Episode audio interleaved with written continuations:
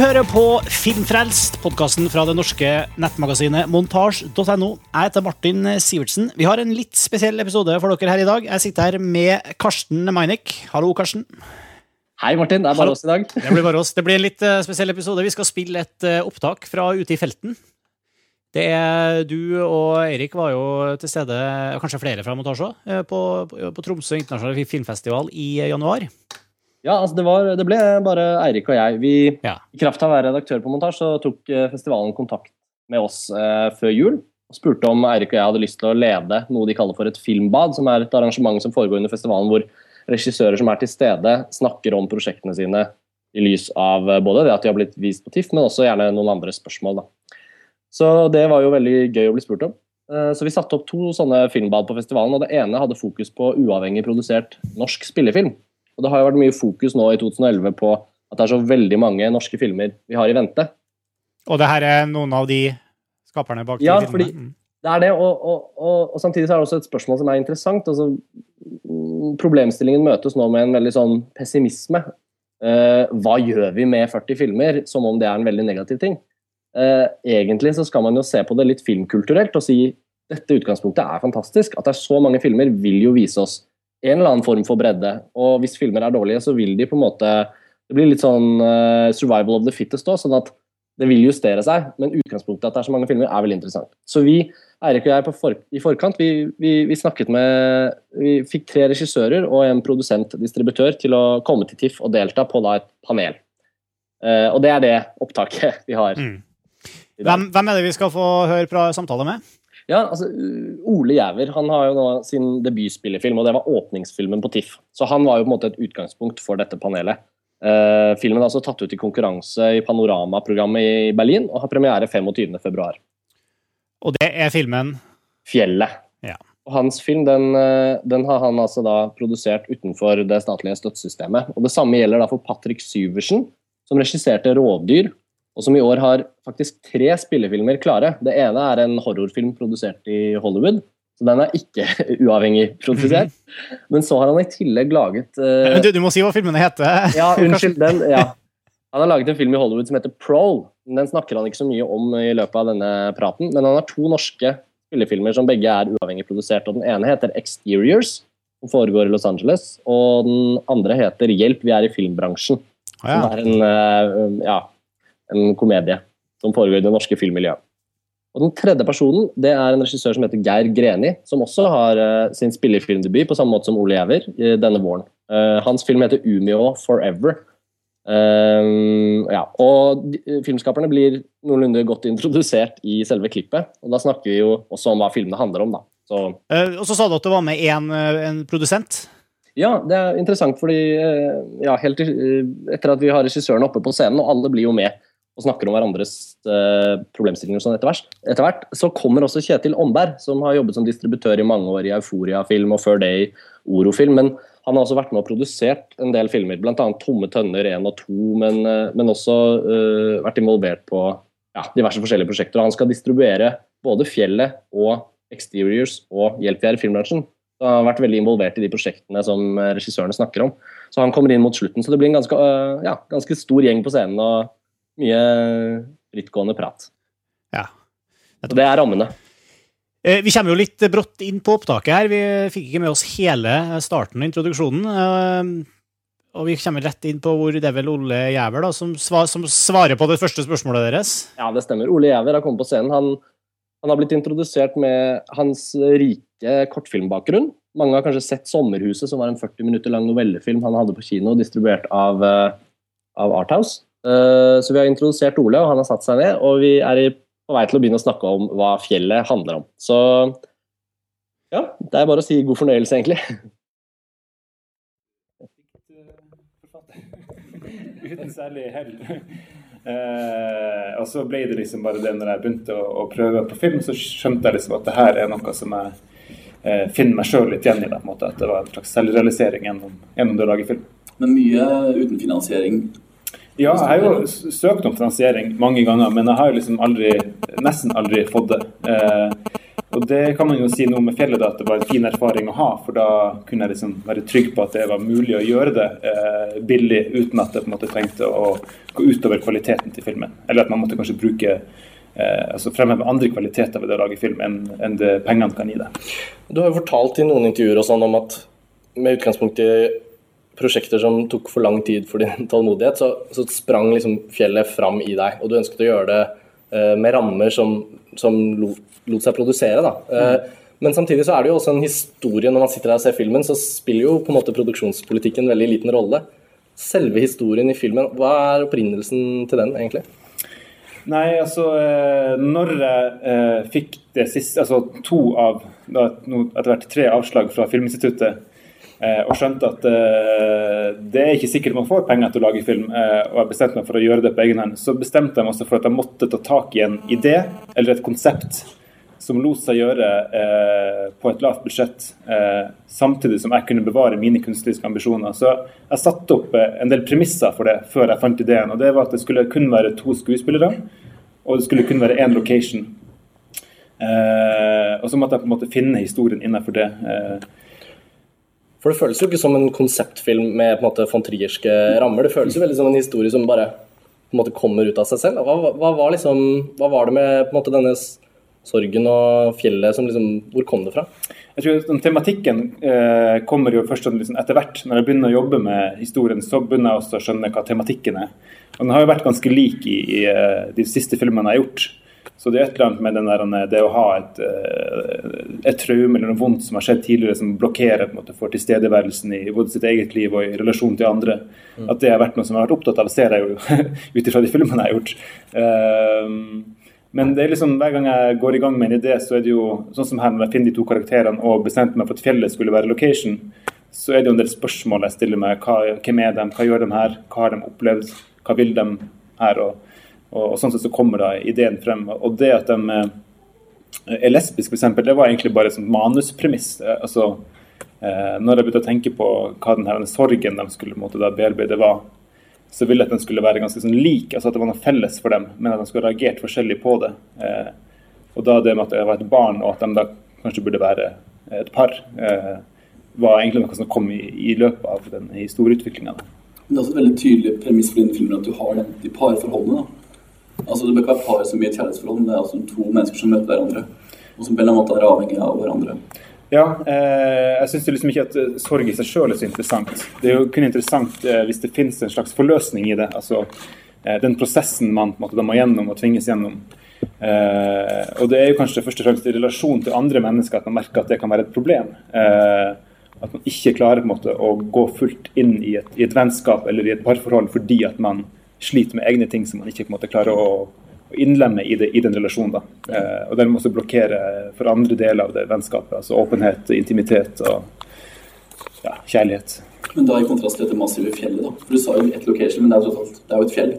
Så det er jo på en måte ikke her, det er jo et ganske stort område. Så Kammerspill ble brukt, men det var liksom Det er et kammerspill på midten, for å si sånn. Eller? evig kammer. Ja, det er jo det. Eh, men jeg synes jo jeg liker veldig godt å bruke naturen, da. Fordi at den gir så mye ting gratis. Eh, i forhold til eh, både selvfølgelig på innspilling med at det, det, du kan ikke bestille hvordan vær du vil ha. Så du må heller forholde deg til et element som du ikke kan, kan, forsikre deg om. og da blir det, Du må til en viss grad improvisere litt, eller være litt sånn spontan. Som jeg tror gir en større autentisitet til, til filmen og til handlinga.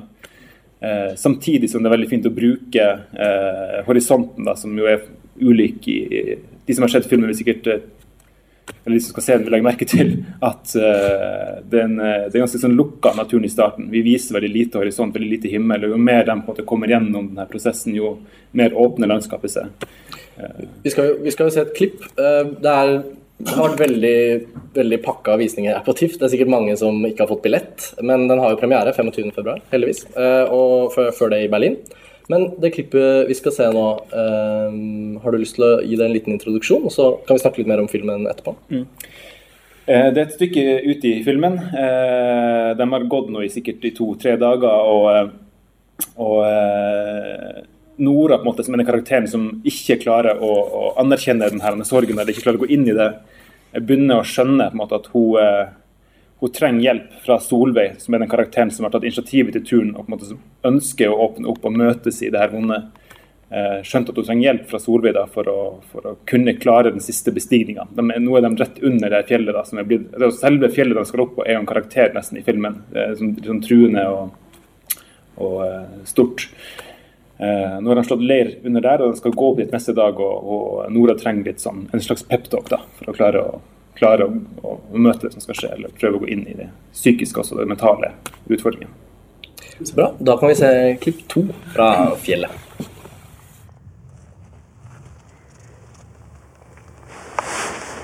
Ja.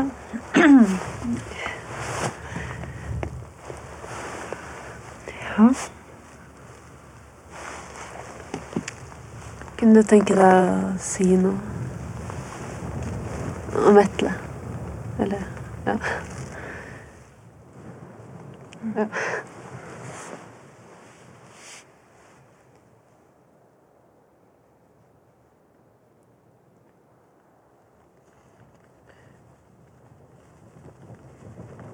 Husker du når Vetle fikk kokende suppe over hele seg? Uff. Øh. Jeg har aldri hørt noen hyle så hjerteskjærende. Hvilken annen historie? Fy fader, så tøff du var da. Fy faen, ass. Ja. Det er jo, jeg får lyst til å klappe litt. her. Det er, jo, det er jo veldig intimt. Kan du ta oss med bak kamera og fortelle oss hvordan ser det ut når du går bak kamera? Er det kun du fotograf og noen få til? Eller hvor mange var dere som Vi var syv bak kamera. Um, skal jeg liste dem opp? Nei, det, var ikke mange som var på Nei, det var veldig få. Uh, jeg liker litt at, uh, at staben egentlig er så liten som mulig, da. Uh, nå var vi kanskje i ettertid akkurat én for lite, for det ble litt mye bæring på oss. Vi gikk i tre-fire timer nesten hver dag for å komme til de locationene vi ønska å spille inn filmen på. Uh, og noen fikk senebetennelse og litt sånn, så det, det kosta litt. Men, uh, men, det er noe med den, det fokuset. altså Det verste jeg opplever på et filmsett, er hvis det er noen som ikke har noe å gjøre. Noen som begynner å spise kjeks og stå og fortelle vitser og sånt. Da sprer det seg en sånn ufokus på hele settet. Uh, og jeg tror også skuespillerne, Når skuespillerne opplever at, at, fotografen er konsentrert, at den som tar lydopptaket er konsentrert, at alle står der bak og har en funksjon å gjøre, så blir man også sjøl liksom smitta av, den, av det, den konsentrasjonen. da. Mm. Uh, så det er liksom alltid viktig for meg at man liksom har At liksom bare ikke fyrer på med masse si, assistenter og sånt som egentlig ikke har noe å gjøre. Ja, for Det er jo en veldig, altså det er alltid en veldig intimitet i filmene dine. Det er alltid veldig karakternært. Vi er alltid her. Ikke sant? Og man tenker jo, altså, man får følelsen av at du sitter der egentlig bare bak kamera, og det er alt. At du nesten trykker på record, og så bare skjer det. Det er veldig følelse at du er veldig tett på uh, skuespillerne hele veien. Ja, det er jeg nok, men liksom ikke, ikke, ikke så, så, nært at jeg står bak kameraet. Men uh, ja, det er jo viktig for meg å skape den der liksom nære, intime sfæren. da, Spesielt mellom meg og, og fotografen og meg og skuespillerne. At det føles som et lukka rom mellom oss. da. Uh, ja. Fortelling, altså, fortellingene dine har jo ofte uh, på en måte Rent sånn overfladisk sett, for en vanlig filminteressert, så kan de virke på en måte mindre ambisiøse på det såkalt storslåtte. Samtidig så tror jeg mange som har stukket fingeren sin inn i litt filmproduksjon, fort vil erkjenne at det å få aktører til å oppleve seg autentiske side om side, og det å få sånn relasjonsdynamikk til å være troverdig, det er jo på en måte egentlig en mye mye høyere ambisjon enn det blir snakket om. Og denne filmen står og hviler på greit et fjell, men tross alt disse to kvinnene. Når du, når du setter deg på en måte ambisjoner for et prosjekt som også skal ha rammer som lar seg gjennomføre, samtidig som den ville aldri fungert dersom ikke denne relasjonen uh, var troverdig, da. Hvor, hvor, hvor, legger du fokuset, hvor, hvor starter du med å gjennomføre de ambisjonene? Ja, um Nei, altså Det som jeg tenker er viktigst i det arbeidet som jeg gjør med skuespillerne, er jo eh, karakterarbeidet. Siden alt skal stå og, og falle på dem. Men for i denne filmen er det jo ekstremt strippa ned, så det er kun to som skal liksom bære hele filmen.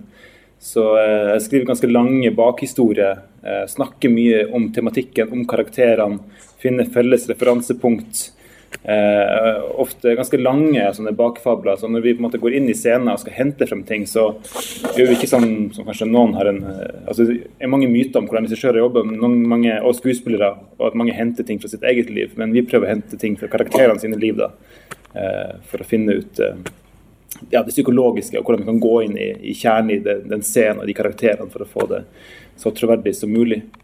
Eh, men det er liksom alle regissører har jo på en måte sine ting som man på en måte kommer stole på seg sjøl og kommer for at det her kan jeg, og, og dette mestrer jeg bedre enn det og sånt. og uh, Jeg er kanskje ikke så flink på, på bilscener, men, eh, men, jeg føler meg liksom ganske trygg på det karakterarbeidet, så det blir også naturlig for meg å gå inn i det på en måte som jeg føler en slags sånn trygghet i. da.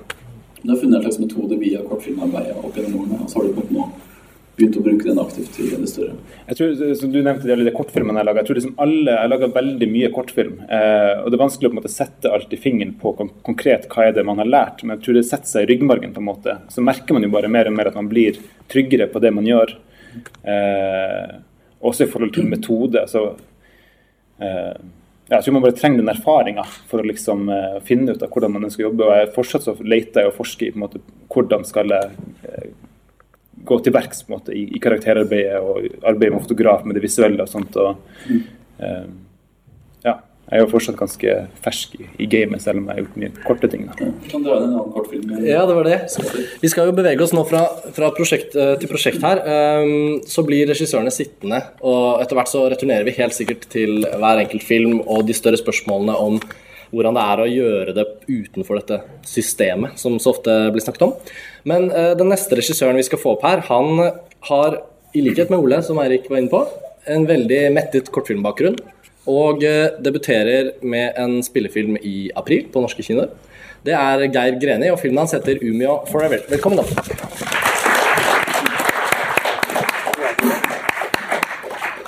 Dette er jo noe helt annet. Her er jeg alle. Velkommen til Tromsø. Velkommen til Tromsø. Vi er jo ikke herfra, men vi sier velkommen likevel. Um, ja, det er virkelig noe annet. Ja, eller er, det, er dette noe helt annet? Dette er også veldig personlig. Ja, dette er noe helt annet. Dette er noe helt annet. Kan du gi oss et kort sammendrag av uh, filmen? Um, ja, altså Jeg føler at og, Altså en historie, eller en, en, en, storyline, er jo en storyline. Men det er jo hvordan du forteller en historie som er uh, hele poenget. Uh, men hvis jeg skal bare ta storyen ja, for, dere, for dere er ennå i klippen, ikke sant? Så ja, vi, pusser, prosjekt, vi pusser. Ja, dere pusser. Oles prosjekt har vært profilert en stund nå, så det er mange som vet hva den filmen handler om. Men ja. og Forever, bare kort, hvem er den om? Hvem er den om? Ja, hva slags uh, det handler om en fyr som uh, livet hans raser litt sammen. Og han uh, beslutter seg uh, Det går til helvete med dama, blant annet. Og i et litt sånn irrasjonelt øyeblikk i, av kjærlighetssorg og så bestemmer han seg for at han skal oppsøke en jente han møtte i Umeå i Nord-Sverige på et taekwondo-stevne for 16 år siden. Så det er også et ganske isolert øde landskap, eller er Nei, egentlig ikke. Nei. og, og, og, du mente jo ja vi, vi, ja, vi skal veldig tidlig på det klippet. For du, du mente jo at det ikke er en, en road-movie. Bare sånn, Det kan høres litt sånn ut. Nei, egentlig ikke road-movie. Ja. Men han er jo i Oslo i begynnelsen, eller i en by i sør i Norge. Han er, han, de starter i Oslo. Ja, Og så beveger vi oss eh, nordover. Så beveger vi oss nordover ja. i Sverige. Vi skal, se, si noe? Ja, fordi det, vi har jo et klipp fra filmen din, så vi setter en litt sånn tone, så er det på en måte lettere å snakke derfra. Uh, det handler om uh, at Eh, de har på en måte lagt ut på reisen. Altså Bestevennen til uh, hovedpersonen er med på reisen. Uh, og han syns jo dette er galskap å, å, dra til den jenta. Fordi poenget med greia er at denne store kjærligheten da, for 16 år siden Hun sluttet plutselig å skrive brev. Men vår, uh, vår mann Stian har på en måte aldri glemt henne. og det har på en måte egentlig, i større grad enn Stian er klar over, vært med å farve hans liv fra den gangen til i dag. Så han er veldig, vennen er veldig negativ til, som han sier, til å liksom rive opp det såret igjen.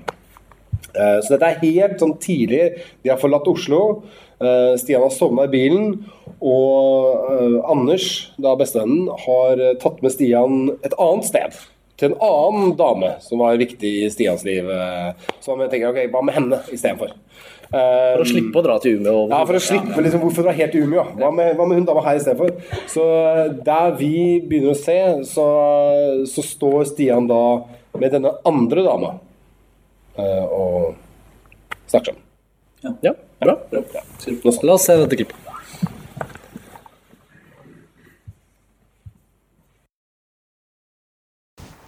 Bli med inn igjen, da. Vet ikke om jeg har noe særlig til selskap nå. Altså, fordi om nok en dame har dumpa deg, så, så skal du stå her ute og sutre, da. Du, bli med inn til Sverige igjen, da.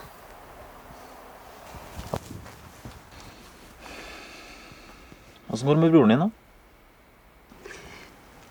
Ikke så veldig bra. Han, han er nettopp blitt dumpa, han òg. Ja. Du burde stikke ned og hilse på han. Han er nede på låven nå. Du, han hadde blitt så glad. Og dere har jo det til felles òg. Ja, det med damene. Vi aner vi, vi, vi, vi. Hallo.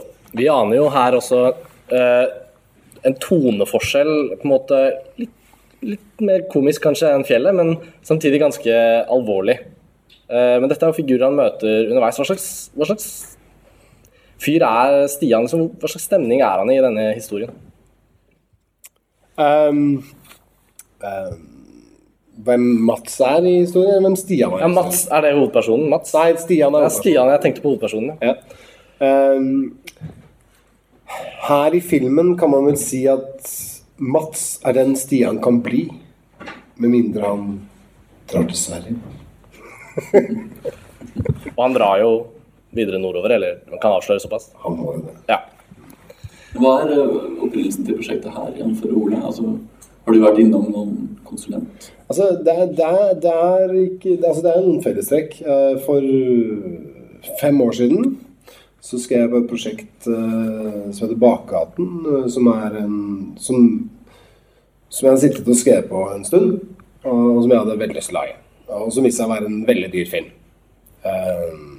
Og jeg sendte det rundt til produsenter, og de som var mest interesserte, sa på en måte jo, dette kan vi sikkert gjøre, men jeg tror ikke du som debuterende regissør får lage det for den gangen noe de sa som koster minimum 30 millioner dollar. Så tanken var noe av det samme. Ok, la meg lage noe som jeg kanskje får lage, da. Ikke sant? Um, men jeg burde vel i ettertid kanskje gått for et par damer på fjellet, jeg også. for jeg trodde jeg skulle få noen penger, i motsetning til deg. Eh, men jeg fikk jo heller ikke penger. Eh, så dette viser seg Altså, jeg var hele tiden litt eh, Og det er jeg kanskje liksom men det er kanskje litt sånn i min karakter. At jeg, jeg tenkte sånn Ja, nei, men dette er jo en lett film å lage. Men det er jo masse skuespillere og forflytning hele tiden. Så det fins jo ikke lett å lage i det hele tatt. Så ehm, Nei, som sagt, det er nok noe å lære deg, Ole.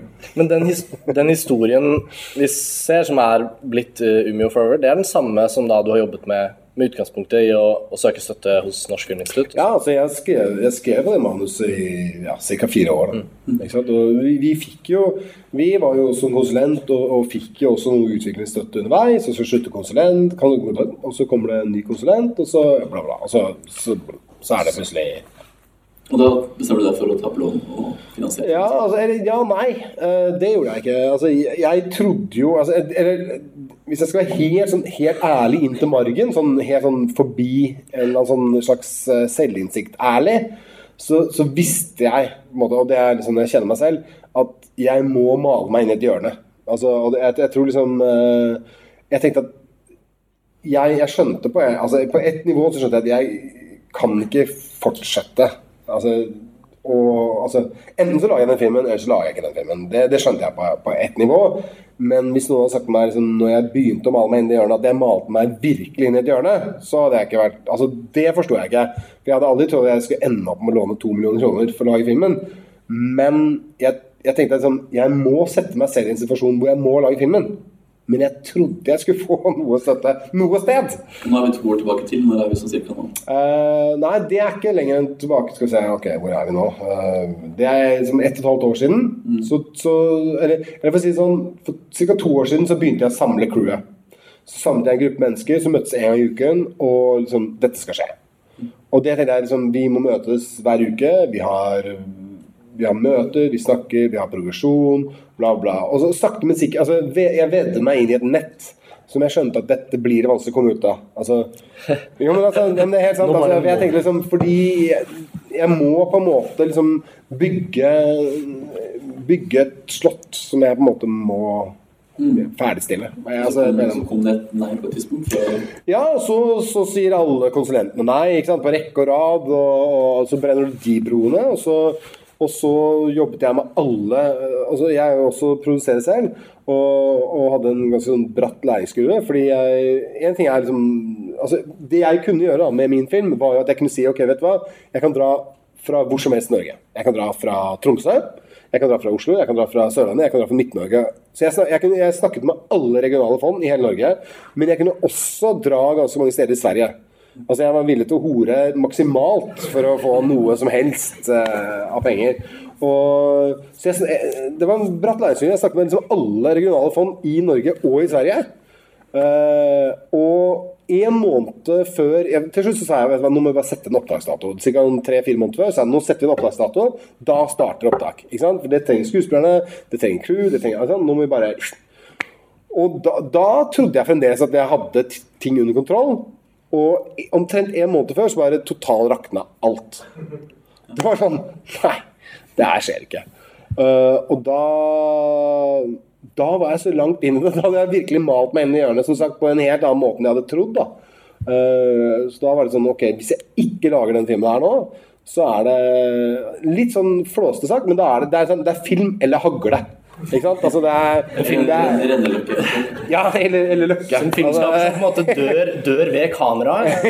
plan. Ja, men altså, jeg skjønte at det, er liksom øh, For meg, da, det, det må jeg bare si som film, Jeg tror liksom noen av oss som er, gjør det vi gjør her nå, så, så krysser det over i en slags sånn galskap som nesten handler om å være Altså, det er kald, da. Ikke sant? Det, det tror jeg du sikkert kjenner deg igjen i. At, at du liksom jeg har, altså Bortsett fra at jeg har, jeg har tre barn. Så, så, så, men, men bortsett fra det, så er det sånn Hvis jeg skal ha eh, Jo, altså Hvis jeg skal kunne unnskylde eller rettferdiggjøre en videre eksistens på denne planeten, så mener jeg at da må jeg gjøre dette her. Det, det, det er derfor jeg har kommet hit. Og hvis jeg ikke gjør det, så kan jeg like godt bare forsvinne. Men du kommer til en slags nulltoleranse for deg selv, da, hvor du bare er nå enten eller.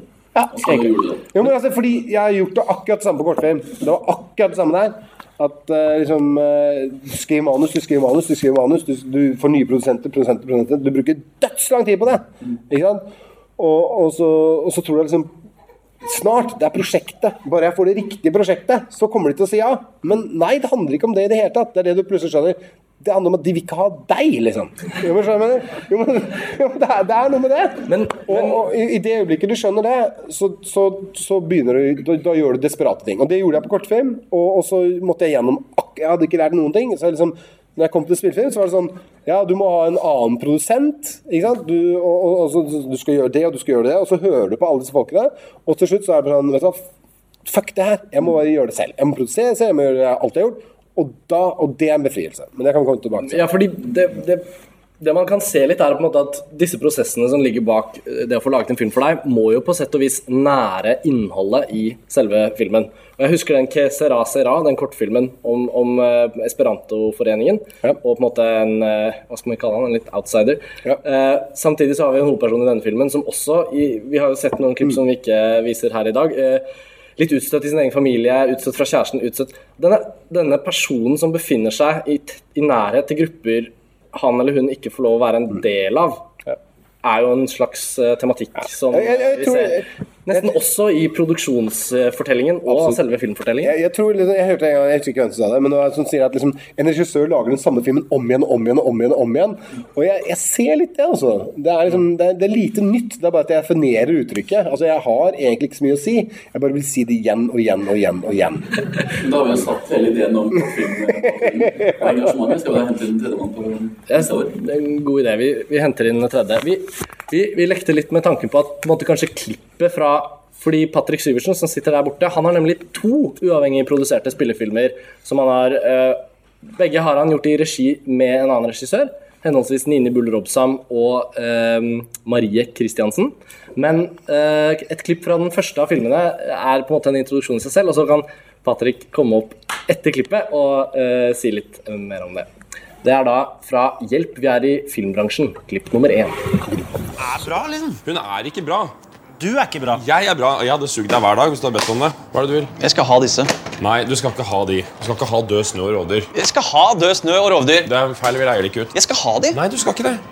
Du skal ha Hanneke, hvite bonde. skal du ha. Nei, den, den har jeg sett. Hvorfor skal du se rovdyr og død snø? Det er et studie i norske splatter. Ja. Gi meg det. Og med å leie de, så er det med å opprettholde en eh, industri som lager dårlige, substansløse filmer her til lands. Det, det vil ikke jeg være med å støtte opp om.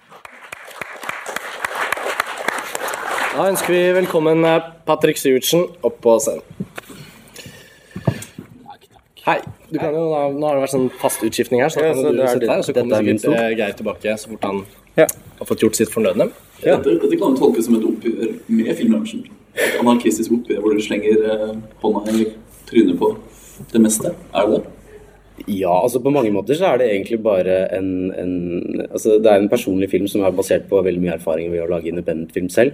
Og også de holdningene man kanskje har veldig tidlig i prosessen, hvor man føler seg som en sånn eh, allvitende åndssnobb som, eh, som alltid har rett. Eh, og, så, og det å skildre et sånt miljø er alltid interessant. For dette er en komedie. Dette er en komedie, og det er et eller annet med å, å skildre et miljø man kjenner til, følelser man kjenner til selv, eh, situasjonen man kjenner til selv, og putte det i en litt større kontekst. Så det er en veldig, på mange måter en tradisjonell komedie, men det er en slags slacker-komedie med et, et, et hjerte, da. Vi ser, jo, vi ser jo de to gutta bak disken der. Det er vel filmens, to av filmens ledende karakterer. Um, noen av oss har erfaring med å, med å befinne seg i en videobutikk eh, og behandle kunder. Også filmhistorisk sett så har vi jo sett gutta i Clerks blant annet, men det er sikkert flere referanser her. Hvem, hvem er de, og, og hva er det egentlig denne filmen forteller om? Si litt om det kort. De er, de er noen gutter i midten av 20-årene som er i ferd med å bli voksne. Eh, eller de burde egentlig vært litt mer modne enn det de er. Men de står på stedet hvil. De har veldig veldig mange drømmer og ambisjoner, men de får aldri på en måte fingeren ut. De klarer aldri å gjøre det. Eh, og i stedet for å gjøre noe med det, så, da, så inntar de en slik, eh, en, en, den posisjonen de viser der. da. Eh, Premisset for filmen er jo da at Henrik Thodesen sin karakter eh, som- Sjefen i butikken ja, ja. sjefen. Eh, blir dumpa av dama si. Eh, og ja, det er en gjennomgående greie. Eh, og og eh, hvorpå da hans kamerat, som spilles av Magnus Williamson, bestemmer seg for å arrangere en audition til en film som ikke fins, for å skaffe han en dame. Eh, og det leder selvfølgelig til Det leder til at hovedkarakteren faktisk finner en dame som han liker, og dum som han er, så sier, at, sier han at hun har fått rollen, men de har jo ikke noe film. Og Hva er basisen for prosjektet? Hvor kommer prosjektet fra rent finansielt? Og Finansielt Uh, det kan, Ja, uavhengig av historien. Nei, det var jo, altså, det var jo et prosjekt vi begynte å skrive på. Ninni og jeg begynte å skrive det i 2006. Da begynte vi å, å skrive treatment, men så lot vi det bare ligge i skuffen. Så lagde vi noen andre filmer i stedet. Eh, og så, så tok vi det fram igjen i slutten av 2009, var det vel. Og da tok vi det til Euforia-film eh, og Tappeluft. Um, og sa dette er en film vi har lyst til å lage. Her har dere et synopsis. Vi skal skrive treatment. Eh, basert på det så caster vi filmen. Og så tar vi det derfra. Og vi tenkte da skyter vi den sommeren 2010. Uansett. Og så ser vi hvordan det går. Og heldigvis så var det jo da ressurser rundt som sørga for at vi fikk ting opp å stå. Så istedenfor at den ideen på en måte bounsa mellom uh, uvillige mennesker på Filminstituttet eller hvor det måtte være, så har den måttet ligge i en skuff og kommet opp i dagen. Og vi tok den egentlig til, til Kjetil og Terje og disse i, i Euforia Tappeluft med en gang. Fordi det er folk vi har jobbet med før, som, måte, som vi respekterer, som er veldig bra. For å faktisk få sånne filmer opp å stå. Så vi var aldri innom tanken på å kjøre konsulentsøknad, faktisk. Vi søkte vel markedsstøtte rett før vi gikk i gang. Eh, Men vi var alltid forberedt på at eh, blir det ikke penger, så, så finner vi en måte. Det har vi gjort før. Det har vi gjort før. Rådyr var jo samme premiss. Samme greie. en sommer, og så Ja. gikk man i gang. Så gikk man i gang, og var lutfattig. Så du har ikke lagt dine feil med andre ord. Nei, nei, jeg har, jeg har lagd fire filmer. Jeg er like fattig. Jeg syns det er fint, jeg. Og så har du da attpåtil laget en film til. Ja. Eh, så eh, Exteriors er jo da mer sånn eksperimentelt drama. Eh, som jeg gjorde for Etter 'Rovdyr' så lagde jeg en amerikansk skrekkfilm som heter 'Prowl'. Som er en, en vampyrfilm. Som har premiere på kino i USA nå om en uke, faktisk. Right. Eh, Så du har tre filmer egentlig? har tre det premierer i år. Jeg klapper for Eh, ja, så, så, og den var jo det, liksom, det var en sånn amerikansk produksjon med syv forskjellige produsenter og liksom en, en, en eh, 150 mennesker på callsheeten, og alle hadde egen trailer, og du måtte svare til 100 mennesker hele tiden. Jeg hadde trailer, den var fin. Uh, og så, uh, og så eh, og som resultat av det så tenkte jeg på en måte nå har jeg vært gjennom en prosess hvor, hvor man, må, eh, man må lage en film. Man, man må sørge for at de får det produktet de vil ha, for det var basert på et manus jeg ikke hadde skrevet selv. Uh, og da er det veldig lett å finne seg selv i en posisjon hvor du føler at du kan skylde på alle omstendighetene rundt. Uh, og da hadde jeg også et prosjekt i bakhodet som jeg alltid har hatt lyst til å lage, som på en måte har ligget der og ulma, og da tenkte jeg nå skriver jeg den filmen, uh, og så skyter vi den uansett. For nesten ingenting. Eh, produserer selv, klipper selv, gjør alt selv, og så ser man da, hvis filmen ikke funker, så er det bare vår skyld. Eller, ja. Og, og den heter jo Exteriors. Ja. foregår ikke i Norge. Eh, og den har du laget ikke sammen med Ninni, men en annen regissør. Kan du fortelle litt om utgangspunktet for selve fortellingen og, og måten den ble laget på? Ja, det er også en film om altså Alle filmene jeg har skrevet, handler egentlig om mennesker som står litt utenfor, som søker etter kjærlighet på en eller annen måte. Eh, Den filmen er veldig konkret, for den er veldig sånn basert på egne erfaringer av, av å, komme til liksom Los Angeles og Hollywood og bare se hvordan systemet der fungerer. Særlig hvor mye rovdrift det er på svake mennesker som har et veldig sterkt behov for å bli sett, eller for å bli uh, elska på en eller annen måte. Eh, og som går over stokk og stein for å komme dit. Og man ser veldig mye selvdestruktive mennesker som er selvdestruktive uten å vite det selv. Som Er det to norske skuespillere? Eh, det er en norsk og en britisk. Ja. Ehm, og så, så det var også Jeg skrev det manuskriptet i desember i, i fjor. Nei, ikke i fjor, men i forfjor. Eh, og så eh, bodde jeg ved siden av Marie Kristiansen, som har et korregime. Hun har foto, jeg skrev, og så gjorde vi det sånn. Mm, Og da bare leste hun det, og hadde på en måte veldig mange av de samme erfaringene selv. Og da tenkte jeg ja, ja, men da bare gjør vi det her, da. Så blir det det det blir. Så ble det en film. Skal vi se på en trailer? Ja, Vi har en liten trailer som sier ganske mye egentlig om filmen. So what's your name? Pearl. Is that your real name? Yeah.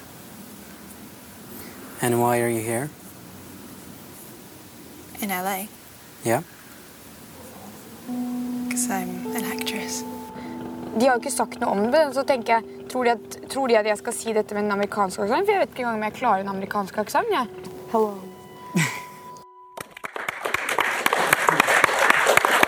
Dette, dette var jo en eh, trailer. Eh, har den noen premieredato? Eh, ja, jeg, jeg tror vi skal slippe den ganske fort. Det. Vi snakker mars. For den, var, den ble jo ikke Vi var jo uh, her for noe, tidlig i januar, så hadde Norsk Filminstitutt en presentasjon av Ja, ja. årens nye norske filmer. Uh, da presenterte jo alle dere tre Mm. filmene deres, men Mysterious ble da ikke presentert. Så da kan vi legge til én ekstra, da, på en måte. Ja, da er det 37. Vær så god. Men uh, jeg bare har lyst til å ta bare kort Produksjonsteknikk. Spiller jo også en rolle for at en uavhengig filmbølge kan, kan springe ut av eh, filmskapere som kanskje ikke får det til å fungere i et system. Da. Vi så det på 60-70-tallet i Amerika, liksom, og ikke minst nybølgen. altså disse lette 16 mm-kameraene, nå DV-kameraene på 90-tallet, danskene. Og så har vi da digitale speilreflekskameraer ja. som kommer som en bølge. Den estetikken skyller innover oss. Hvordan var liksom selve arbeidet med en liksom ny måte å lage film på, kanskje, for deg? Ja, altså det er et eller annet med å få en frihet. Altså Man velger jo alltid estetikken ut ifra hva slags historie man vil fortelle. og da er det jo på en måte, Men så ser man jo også begrensningene.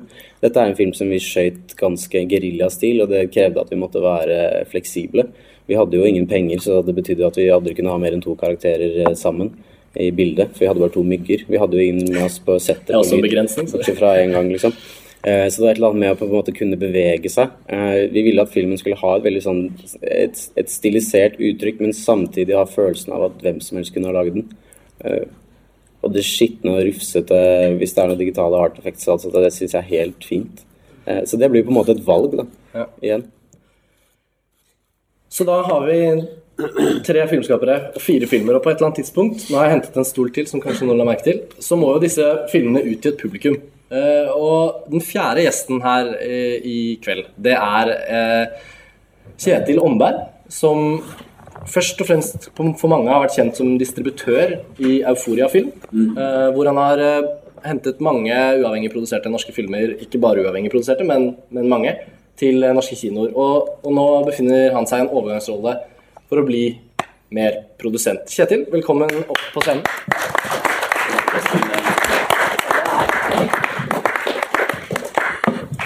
Du ytterst. Kan vi, ikke, kan vi ikke bare gå rett på Kjetil og spørre hvorfor skal det her på kino? I det. For det er jo Euforia Film som distribuerer nå eh, Exteriors eh, og Hjelp vi er i filmbransjen og Fjellet. Ja, Det stemmer. Og nordisk har vunnet Romeo Forever. Ja. og Jeg hadde ikke tid til å ta den. Du hadde ikke penger til Jeg hadde ikke penger til å ta den. Eh, Stemmer. Eh, det er jo ikke de som bestemmer om du skal på kino. Det er det for kinosjefene som gjør. Vi prøver bare å tilrettelegge for det og gjøre det beste jobben for at den skal komme seg på kino. Eh, og vi vet ikke hvordan det her går før vi får vist den til Vi har jo en notorisk eh, programsjef i Bergen som er berømt for å si nei. Eh, men stort sett så får vi det opp på kino. Eh, så får helt publikum bestemme. Men du personlig har en veldig, sånn utenfra, en veldig aktiv rolle i å få filmene på kino, har jeg følelsen av. At du går veldig aktivt inn, spesielt når Patrick går inn og vil ha det på kino. Ja, altså når folk legger ned så utrolig mye blod, svette og tårer, og ikke minst uh, ja, egentlig alt annet også, så syns jeg det er vanskelig å på det. Uh, det er klart at Vi sier også nei til veldig mye filmer, men, men, men det her er jo et perfekt eksempel på ting som bør på kino.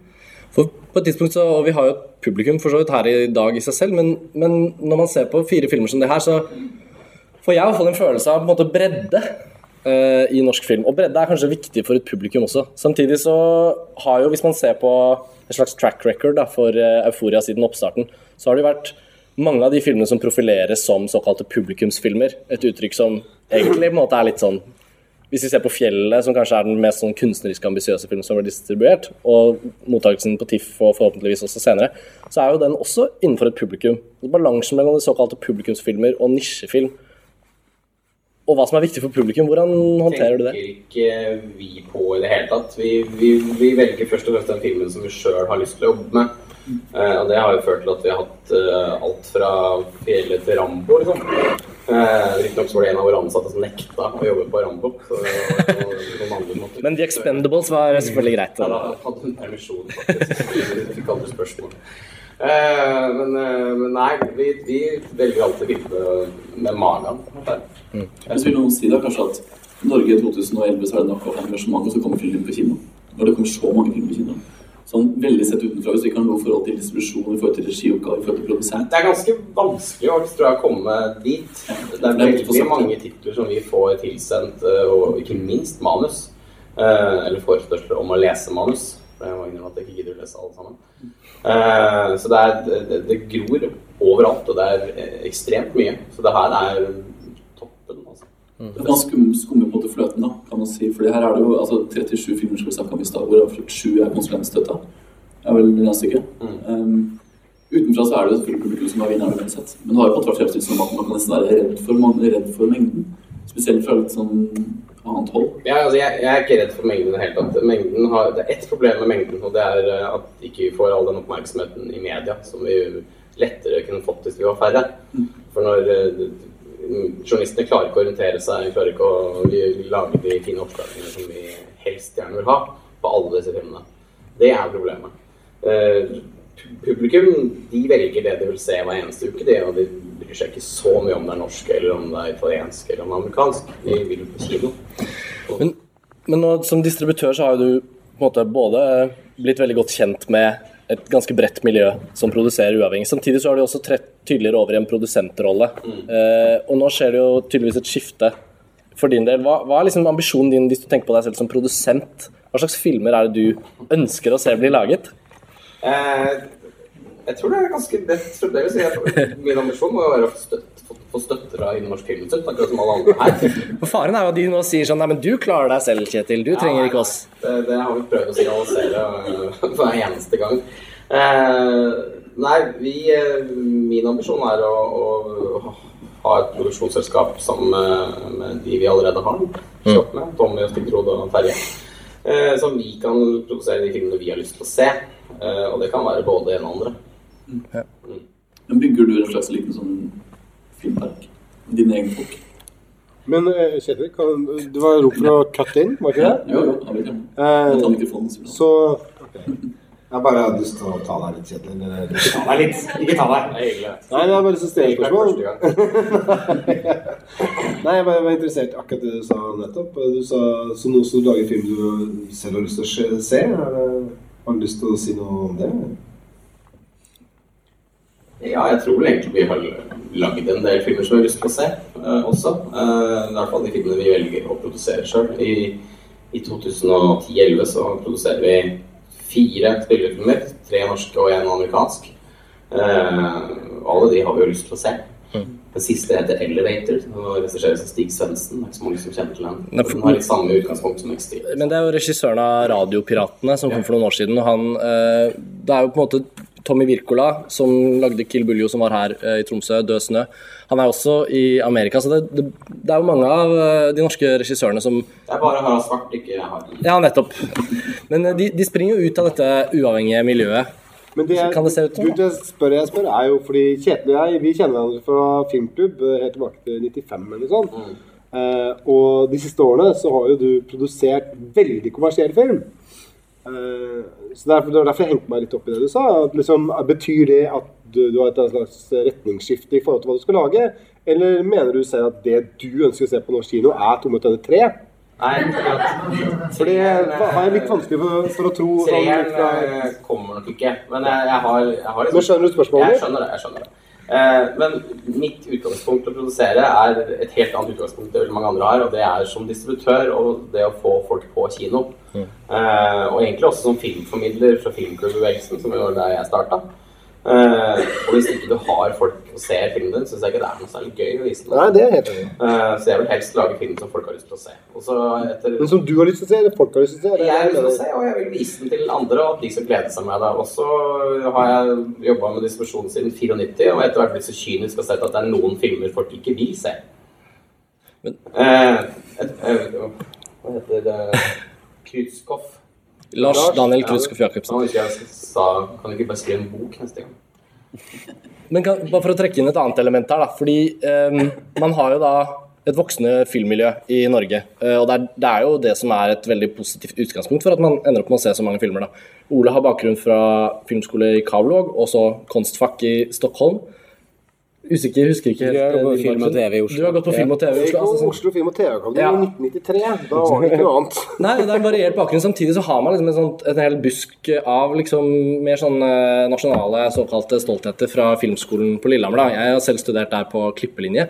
Og, og man ser jo ikke så mange tidligere såkalte filmstudenter i den uavhengige eh, gruppen av uavhengige produserte filmer. Da. Når du får inn så mange manus som du snakker om, ser du interesse og aktivitet til å lage den typen film fra et bredt miljø, eller er det fordi at det kommer så mye sjangerfilm, eller kommer så mye sånne kommersielle titler fra deg, som er et resultat av også hva som blir foreslått? Helt, helt sikkert. Altså, siden vi har hatt liksom splatterfilmer, og sånn, så får vi jo alt det eh, automatisk.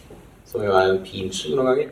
Eh, men det er helt klart. Og også fordi vi, som du nevner, at uh, filmskolestudentene har liksom flokka seg til og starta selskaper sammen osv. Så, videre. Mm. så har kanskje de som kommer fra NIS og andre steder, ikke hatt samme utgangspunktet.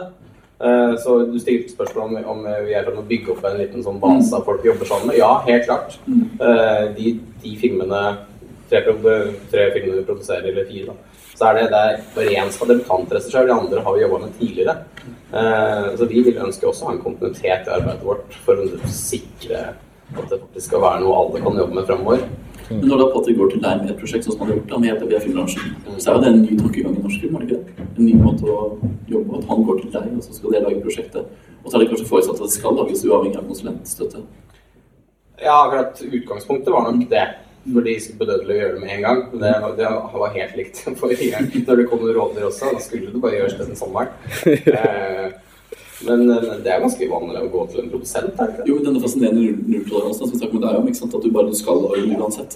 Det er en slags litt ny holdning til film. Ja, altså det vi har bevist da, etter hvert, er i hvert fall at vi har på et eller annet merkelig vis klart å få produksjoner som har kommet på kino. Eh, og, og hvor godt økonomisk funderte de er til enhver tid, det kan man diskutere, men de har i kommet seg dit, og de har liksom gått rundt på et vis. Vi snakket om det i stad med Ola at uh, ingen hadde lært av sine feil, alle fortsetter å gjøre det samme. Men du snakka om ute på gangen i stad at du egentlig lagde et prosjekt med fjellet som du gjerne vil kopiere. Hvis du kan fortelle litt om hvordan du bygde opp prosjektet for å nettopp kunne gjøre det på lavt budsjett. Eh, ja, Det man jo ofte hører om, er jo eh, de eh, type dugnadsfilmene som kan snakke om det. da, Hvor eh, folk går til med vilje og eh, liksom engasjement, men så sier de også i ettertid at eh, det var gøy, vi fikk gjort filmen, men eh, aldri igjen. Fordi at det har kosta for mye. Så jeg ønsker jo med Fjellet å legge premisser ganske tidlig for at det her skulle kunne Vi skulle ikke brenne oss ut, det skulle være et sånt energiprosjekt hvor vi kunne bli ferdig med det og føle at det her var utrolig gøy. Vi har liksom, Alt har gått bra, og vi vil gjerne gjenta det på nytt. Eh, og Det handler jo om at jeg også la ned et premiss tidligere for at det skulle være en, en film med et lavt budsjett, eh, hvor det også i ettertid er mulig å få tilbake pengene sine for de som har investert. Både altså distributør, produsent og alle som har vært med i stabben. Eh, og hvis vi får til det, det vil jo vise seg når filmen går på kino og vi begynner å få inn, inn penger og sånt igjen, da, så, eh, så tenker jeg at da er jo liksom da har det jo vært liksom, en suksess både økonomisk og altså kommersielt og eh, forhåpentligvis da kunstnerisk, eh, syns jeg for sjøl. Men, eh, men jeg mener jo at denne måten å lage film på Nå er det veldig mange sånne unge, kanskje også debutanter eller eh, er folk som har kanskje ikke laget så mange filmer, men jeg syns jo også at eh, de etablerte seg sjøl også burde måte, tenke at det finnes andre veier enn at man ikke måtte stivne i det her med NFI-systemet. F.eks. Marius Holst. altså Jeg skulle ønske at han nå bare gikk helt ned, lagde en film for to-tre millioner kroner og liksom fant liksom tilbake til den kjernen han hadde i, i og, og Øyenstikker. Øyenstikker. Mm. Eh, og sånn iallfall ønsker jeg for deg i fremtiden at måtte kanskje sjonglere med ha noen prosjekter som man kan gå til NFI med, og sånt, og så, men også ha parallelle prosjekter som man kan sette i gang med uavhengig av om andre gir et tillatelse til å lage filmen eller ikke. Ja. For Vi snakket jo litt om det eh, tidligere også. Nå har vi vært litt inne på sjanger og det med publikumsvennlighet. Eh, og, og Geir, vi, vi snakket litt om det med at Umeå Forever, eh, en komedie, et drama, romantisk komedie altså Disse sjangerelementene er jo blitt veldig nå harde i, i støttesystemet. Samtidig så kunne man også tenke at en filmkultur blir rikere av at det oppstår ting som ikke skal liksom, passe inn i en spesifikk ramme. Da. Kan du si noe om, om balansen mellom å liksom, lage akkurat den filmen du ville, uten at det nødvendigvis måtte passe inn i en eller annen sjanger? Ja, altså, jeg, jeg trodde jo ved å lage et uh, meningsløst mange kortfilmer, uh, at man liksom hadde begynt å skjønne litt hva jeg holdt på med, og at, uh, at man kunne liksom forstå at ikke nødvendigvis ting behøver være det eller det eller det eller det. Uh, og at liksom ja, jeg prøvde jeg tror jeg prøvde liksom fånyttes å forklare hva Ummi og Forever var for noe. da. Og jeg tror at eh, Den scenen vi viser, liksom, er et ganske godt eksempel på det.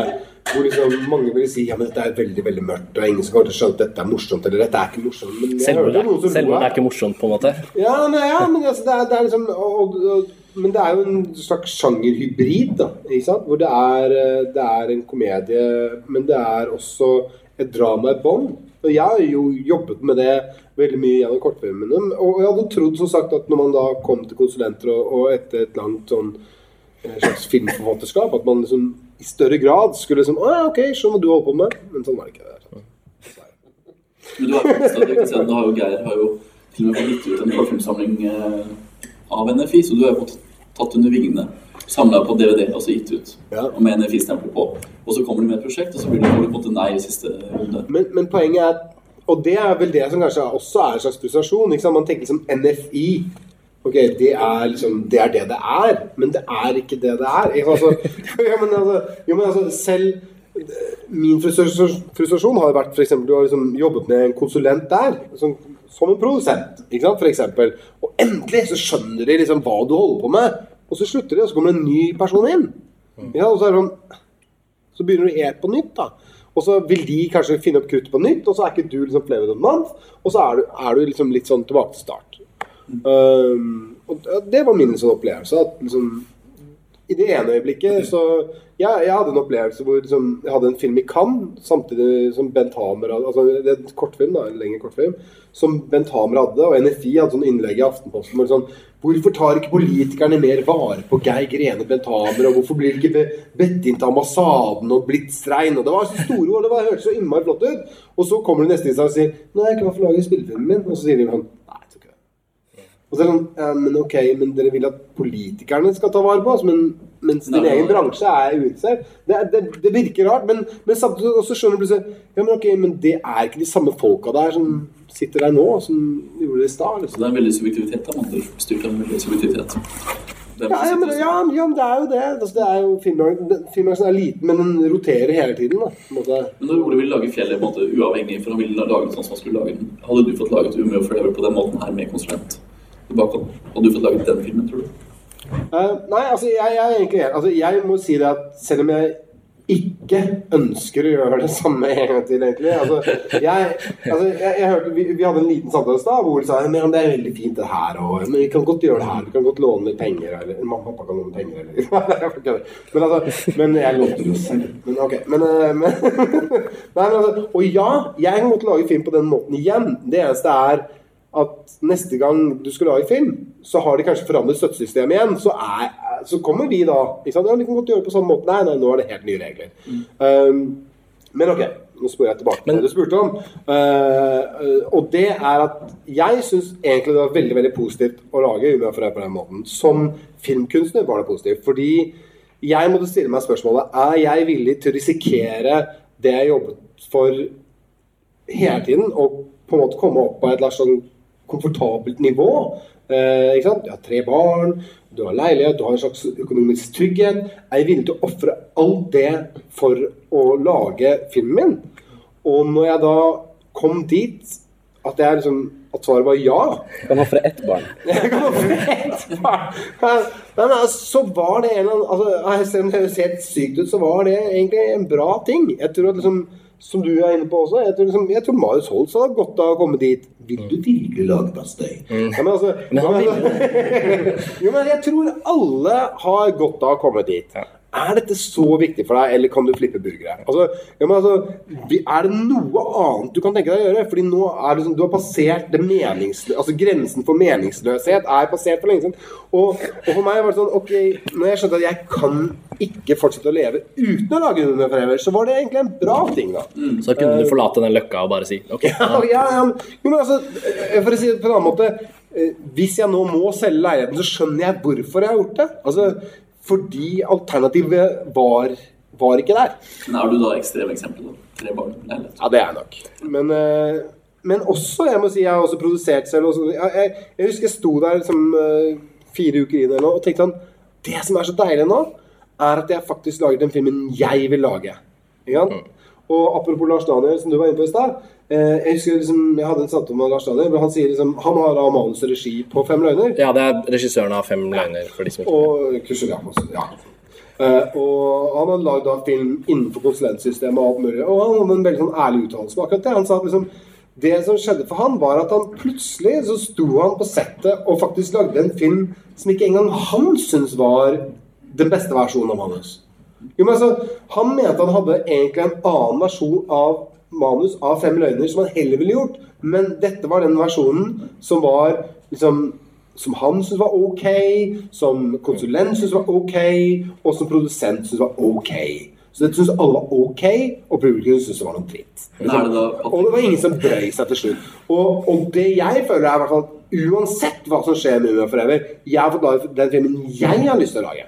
Sant? Eh, og så håper jeg selvfølgelig at dere også vil like den filmen, men det er på en måte litt sekundært hvis jeg må selge leiligheten. Altså, eller, skjønner jeg mener? Altså, jeg har i hvert fall gjort min ting, og det har vært utrolig deilig. Men Ole, du, bare, du hadde hånden oppe der i stad. Var det i forbindelse med de tingene her du ønsket å tilføye noe, eller? Oi, det er lenge siden.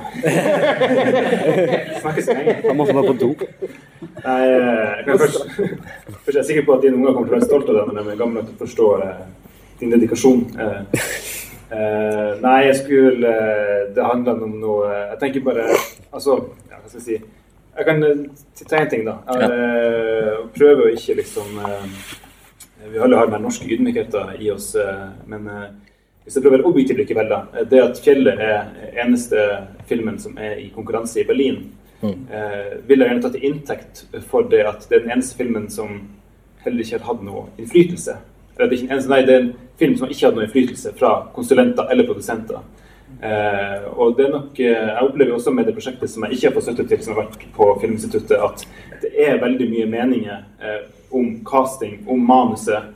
Eh, og vi alle vet jo at Smaken vår er jo så forskjellig, så alle som kommer inn og mener sin ting, så blir det veldig mange kompromisser. Eh, så man skal være ganske hard der for å stå mot alt det, og kanskje det også til slutt innebærer at du ikke får laga filmen din, fordi at da vil ikke konsulenten stole på at dette blir den filmen som konsulenten syns det bør bli. Eh, og det, det, det var det jeg skulle foreslå i sted. at Jeg tror nok at man skulle der hvor regissører eventuelt samarbeider mellom regi og produsent, eller regi og manus har vist seg å fungere tidligere, eh, være mye mer tillitsfull og gi de større frihet til sine prosjekt. Eh, for det er ikke sånn som det var på 70-tallet, at man drar til Italia og kjøper seg et hus og får pengene. Man, jeg tror man liksom virkelig vil, virkelig vil lage film. Eh, ja. Replikk. Eh, nei, bare apropos det du sier, er morsomt. Eh, fordi vi har utviklet jo manuset først gjennom Nicolai Frelenius, som eh, sluttet som konsulent. Og så kom vi til eh, Vera Michaelsen. Eh, og så fikk vi liksom Vi fikk litt sånn, litt sånn knapper og granspill. Det er egentlig sånn hån av en sum, men eh, det var noen sum. Og så sa hun liksom OK, apropos akkurat det du sa. Liksom, det du skal gjøre nå, nå har du liksom litt penger. Nå går du og skriver et utkast, og det utkastet, det er ditt utkast. Ikke sant? Altså, nå gjør du det helt ditt. Når du er du helt kompromissløs. Nå bare driter du alle andre, så gjør du ditt utkast. igjen. Jeg bare, OK, ja, ok, I'm taking it home. Uh, og jeg tenkte ok, nå, nå skal jeg gjøre det. Og jeg skrev, jeg skrev faktisk først ett utkast. til. vet du hva? Jeg skriver ett utkast til. Ikke sant? Nå, nå, når jeg først leverer nå, så skal det være liksom min film. Ikke sant? Og så kom jeg tilbake med det utkastet, og så bare Det likte jeg ikke så veldig godt. Det får du ikke penger til. Da skal vi trekke inn Patrick. Fordi Patrick, er det faktisk, altså Nå har vi snakka med ganske mange av de folka som har laget, skal lage independent-film. Ja. 2011. Er det faktisk en stigende frykt for konsulentene? Nei, Du har jo neglisjert jeg- fullstendig hele greia. Jeg er ikke noe redd for det, holdt jeg på å si. Men eh, jeg har bare gått utenom det egentlig ganske konsekvent. Jeg mener Man har jo alltid manus, manuskripter og sånn som man er inne og søker eh, filmutviklingen, som det het før. Og, og man på en måte er jo alltid i den prosessen. Men jeg har alltid tenkt at ja, skal man gjøre noe, så må man alliere seg med mennesker som er like engasjerte, og som kan få det opp å stå. Eh, Og det er et eller annet med det Skal du sitte og vente i fire-fem år på et prosjekt? Ja, noen prosjekter funker det for. Andre prosjekter trengs å lages der og da. Og da må man tenke litt på forutsetningene for hvordan man lager det. En film som 'Exteriors' for eksempel, er en bitte liten film, eh, og det er vi klar over. Fire års innspilling. Eh, Jeg er syv-ti. De gled over i hverandre, kanskje? Ja, vi bare bodde jo sammen alle sammen, så vi bare skøyt når vi kunne. Eh, Men, men det var på en måte litt av utgangspunktet der også, var også det Ja, den er kompromissløs, eh, og den er personlig, og, og da skal det begrenses hvor mange den filmen går utover. For jeg merker det at nå har jeg lagd liksom fire filmer, tre av de har vært eh, uten støtte fra fondet. Jo, vi fikk jo litt på rovdyr for eh, liksom tre millioner, og det gikk mest gikk liksom til det var mye kreditter og sånn der også. Og man merker jo det på lang sikt, at uh, man er en selvopptatt kunstner, og man, uh, en, man har den narsissistiske den demonen som sitter på skulderen, og på et eller annet punkt så kan man ikke overbevise en lysassistent om at denne, denne filmen forandrer livet ditt. Ja, det forandrer livet mitt, kanskje. Men på ett punkt så må man på en måte tenke det at eh, Ja, kanskje bare smør på brødet, egentlig. ja, og, og, og jeg har tatt et valg, og det valget betyr at jeg spiser knekkebrød fremdeles, men eh, det er bevisst. Jeg kunne jobbet mye mer aktivt for å gjøre reklamefilm for å kunne overleve. Jeg kunne gjort andre ting, men jeg har valgt denne veien. Og da føler jeg at eh, jeg må kunne stå for de valgene litt selv også. Eh, og kanskje det dukker opp et prosjekt som passer for konsulentordningen, eh, og da blir jeg veldig, veldig glad. For da kan jeg få liksom ordentlig liksom, betalt på ordentlig hele veien gjennom. Når man etterlyser personlige stemmer da, når filmbransjen, som man jo maser om hele tiden, Mm. er ikke du da en personlig stemme? I og med at du kjører så utrolig på med dine egne personlige ting, at du bare virkelig du går til Kjetil og sier her skal jeg lage. Jo, men jeg vil jo alltid si at jeg er en personlig stemme, men så sitter det jo mennesker rundt som har andre meninger og som har andre synspunkter. Eh, og hvis man tenker liksom sånn som regissør eller filmkunstner eller hva man skal si, så er på en måte det jeg har tenkt nå, er først og fremst lag de filmene du har lyst til å lage. Og på lang sikt bygg deg opp til du kommer til den posisjonen hvor du faktisk kan lage de filmene du vil lage. med et reelt budsjett. Eh, og det, det handler litt om å kjenne sine begrensninger. da. Har prosjekter jeg har skrevet som jeg vet ikke er moden for å lage ennå. Eh, og, og Men- men det det, er handler også- litt om det òg. Det er poenget også, som du var inne på i stad. Det er jo det er jo grenser for hvor mye du kan utnytte folk som på en måte bare er lysassistenter eller hva som helst. De vil ikke synes det er like relevant. Og, og, og som du var også inne på i stad, det er jo altså Vi kan jo ikke liksom overleve på den måten vi gjør nå. Altså, det er ikke sånn at liksom, ja, disse gutta de klarer seg sjæl, liksom. Det er jo ikke sånn. Fordi det gjør vi jo på en måte ikke. Og det er det jeg syns er fint. Vi snakket om, med, med, om, om Kjetil i stad. At Kjetil kan slippe Tomme tønner 2, og så Bastøy parallelt, og så Mm. slippe Fjellet en måned etterpå. Og det er bra. Det åpner for et mangfold, og det viser at det, ja, man må ha den balansen her. Man må ha de som går sånn, som er publikumsfrie, som kan nå ut til 14 år gamle gutter og jenter. Og så må man ha det andre segmentet også. Og man er avhengig av den, den variasjonen. Eh, og det tror jeg at Der har du vært veldig flink til å, til å balansere ting, da. Ja, også når det gjelder produksjonene som vi har gjort, så har det vært veldig viktig for oss å prøve å begrense, altså være litt aktive produsenter i den grad at eh, gale, gale mennesker som på Dødliv skal lage filmen sin, også må jobbe innenfor en del rammer og begrensninger. De må overholde alle arbeidstider, kan ikke gå over det og det og det, fordi denne lysassistenten nettopp ikke kommer til å gjøre noe mer. Eh, Eller hvis han først skal gjøre noe mer, så koster den fire ganger så mye. Da sprekker budsjettet vårt. Eh, og der tror jeg en del av de filmene som kommer litt sånn fra ingensteds, fort kan brenne seg ut eller gå på en skikkelig smell. Da. Så da er det viktig for oss å prøve å kontrollere nettopp de faktorene. Men altså, en ting til jeg bare vil si, bare apropos det, siden Kjetil har ordet. Uh, og det er også viktig å forstå at vi som sitter der, og, og særlig Kjetil, uh, hvor mye han har lagt ned nå av gratistimer i å gjøre dette her. Og han har fått jævla mye juling i det siste. Men vi alle, ja, men vi alle er jo liksom på en måte en gjeng som prøver å få til ting. Og vi gjør så jævlig godt vi kan. Og, men jeg mener, hadde det ikke vært for det Kjetil eksempel gjør, så hadde jeg, jeg sittet der alene. Kanskje med Kjetil. Men, altså, men det er jævlig viktig, da. Jeg syns eh, det fortjener noen applaus. Men, men da, da har jeg lyst til å ta litt utgangspunkt i, i det at filmene i seg selv, da, det innholdet publikum møter, det har jo Jeg mener det har ganske mye å bety for hva norsk filmkultur til slutt blir. da. For det vi egentlig, tror jeg, og da mennesker som befinner seg på filmfestivalen i Tromsø, har et engasjement for film, så vi er alle sikkert ute etter en eller annen form for filmkultur som vi kan på en måte stå ved siden av og kjenne at dette er liksom norsk, og det har noe spesielt ved seg. Og det er jo ingen tvil om at de uavhengig produserte filmene blir en veldig viktig del av hvordan 2011 skal defineres. da. Og du ser jo veldig mange filmer som kommer igjennom, og, og vi snakket litt om det tidligere, at produksjonsforholdene definerer også en estetikk, ikke sant? Men det her tror jeg har noe med at det er, jeg er jo fremdeles ganske ung filmnasjon. Det er, det er nå det begynner å komme en slags motreaksjon. Eh, nå kommer disse filmene fordi norsk film har gått så utrolig bra, og så er det flere som satser fra alle mulige slags hold. Det enkleste, i hvert fall tilsynelatende enkleste å gripe tak i, er skrekkfilmen. Ikke sant? For det er den du som tolvåring alltid har lyst til å lage. Eh, men der nå kommer også dramaene, sånn som eh, ditt og, og Hisham sin brev til kongen. Eh, din er jo ja, Du skal ikke kategorisere den, kanskje? Hybrid. Hybrid. veldig morsom. Jeg tror at vi ser en utvikling her som gjør at vi også kommer til da, den kunstneriske filmen, den uh, ambisiøse filmen, i utafor systemet. da. Uh, så jeg tror vi også kommer til å finne de der snart. Ja, for da, Du må bare la, la få utvikle seg.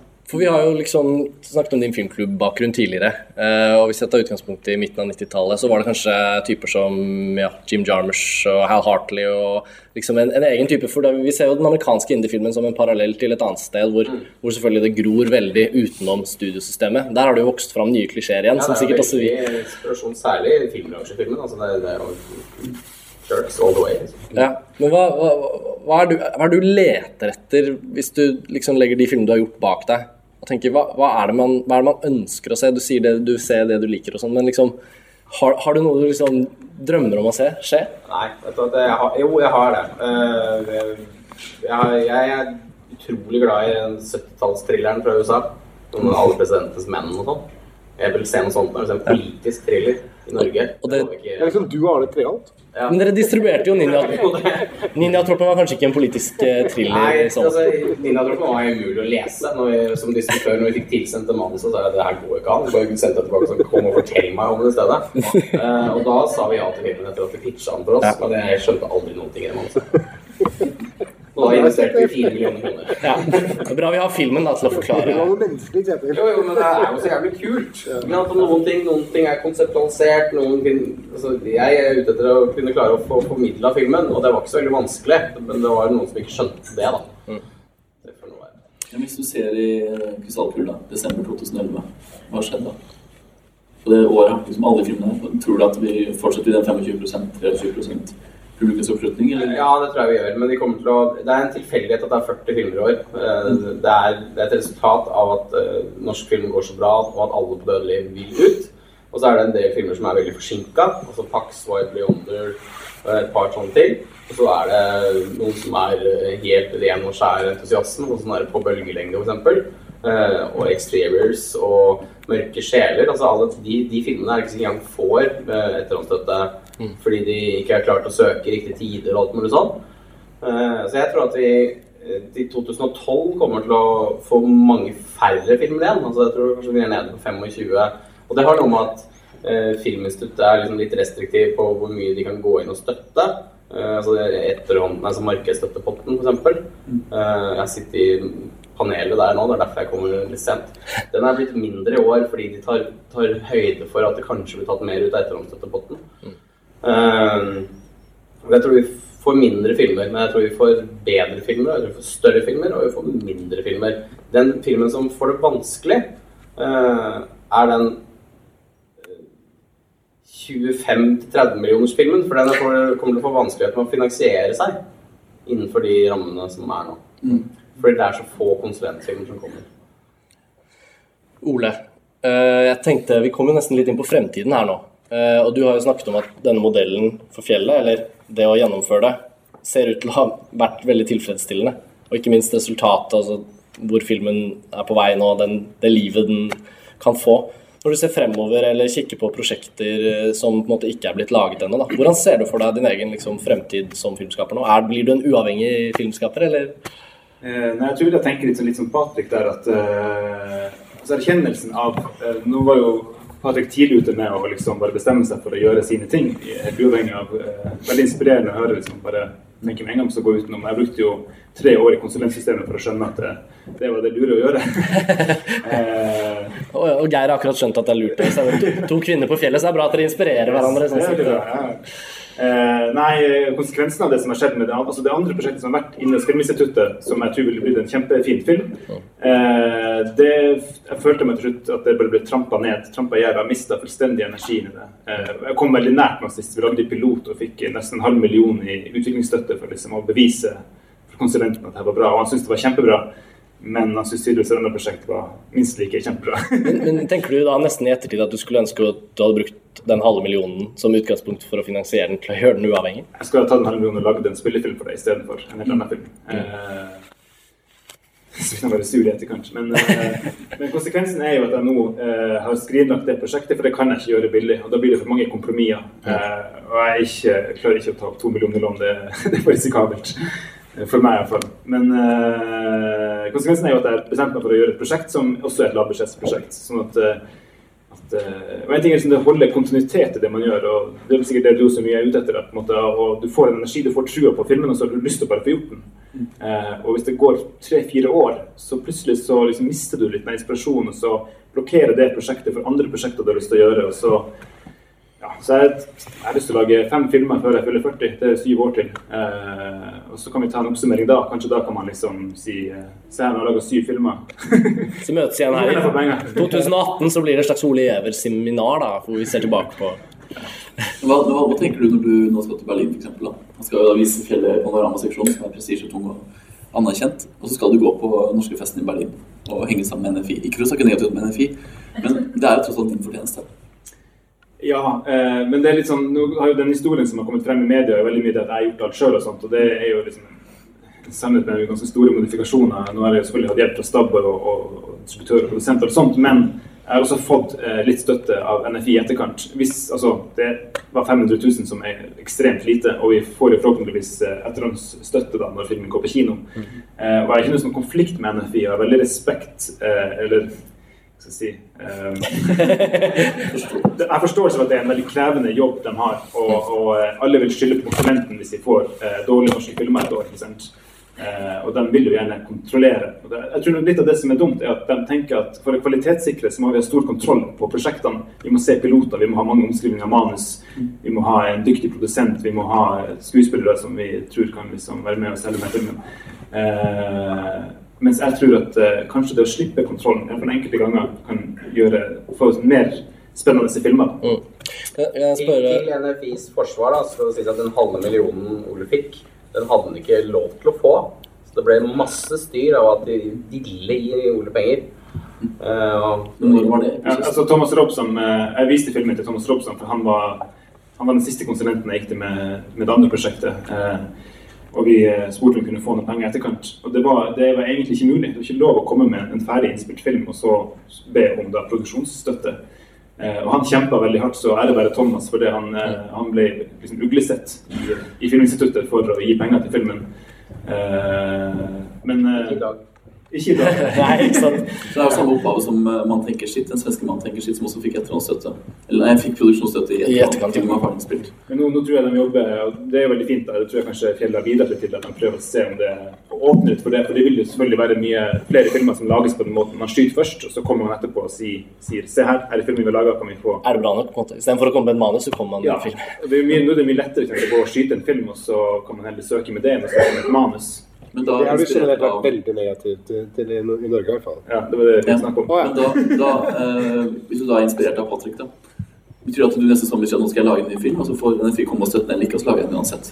Ja, nå, jeg er Berlin, så nå burde jeg få penger, og så bruker du den lille arrogansen du kan fylle at du skal ha, da. og sier at du skal lage den uansett. For du har sikkert med deg Kjetil, det vil jeg tro. Og så hopper du i det. Kommer du til å ha litt mer gutsing og litt mer holdning i forhold til det med NFI, at du bare Ja, jeg tror det at man ser heller på NFI som en mulighet, ikke som en eh, eneste veien å gå. Men jeg har lyst til å spørre deg, Patrick, bare litt om Når vi er inne på NFI, så liksom Det er jo en institusjon som på mange måter, i hvert fall støtteelementet, er jo til for filmskaperne. Så har de en publikumsavdeling som er til for publikum og på en måte bransjen og sånn. Men når du tenker på at du har et institutt som på en måte er til for deg, da, i stor eller liten grad, samtidig så har du den der iveren som gjør at du bare lager de filmene, og du jobber jo også i LA, og du, har på en måte, du er en del av en større internasjonal bransje. Hva trenger du på en måte NFI til, hvis du skulle brukt det til noe? Eh, Det var vel litt av det jeg sa i stad, at eh, det, det hadde vært fint å kunne få ressurser og mulighet til å utvikle et prosjekt under litt rolige omstendigheter. Så eh, man ikke tenker begrensninger eh, og kompromisser hele veien gjennom. Eh, Nå er ikke det sagt at man alltid gjør det, men når man har lite penger eh, og lite tid, så må man alltid tenke på en annen måte. Det er veldig bra for prosjektet, for det har vært veldig bra. Og det føler at man modnes veldig som filmskaper av det. For når du står på settet og du har vi hadde 23 dager, som vi hadde på filmbransjen, og et 119 sider langt manus med 43 speaking parts, eh, så, så må du ta valg fort. Og du må være veldig tydelig på hva du vil ha. Du må være veldig tydelig på hvordan du skal fortelle historien. Eh, men man må også skjære den inn til beinet. Eh, Det som hadde vært fint i forhold til liksom en støtteordning, er jo altså å få støtte, er å faktisk få tid og mulighet til å utvikle et eh, Eller raffinere et filmspråk. da. Det tror jeg er veldig viktig. Jeg tror det er viktig at det instituttet fungerer. Men det er veldig sånn fint det som Ole sier, at uh, det er én mulighet. Det er én måte å skaffe penger til å lage film, men det er ikke den eneste. For når man ser, bare for å fortsette litt på det, når man ser uh, exteriors for eksempel, da, så med utgangspunkt i rovdyr eh, i det minste, og, og litt det vi har sett fra Hjelp i filmbransjen, så tenker jeg på en måte at man ser jo at du også er i utvikling, da, eksempel, som regissør.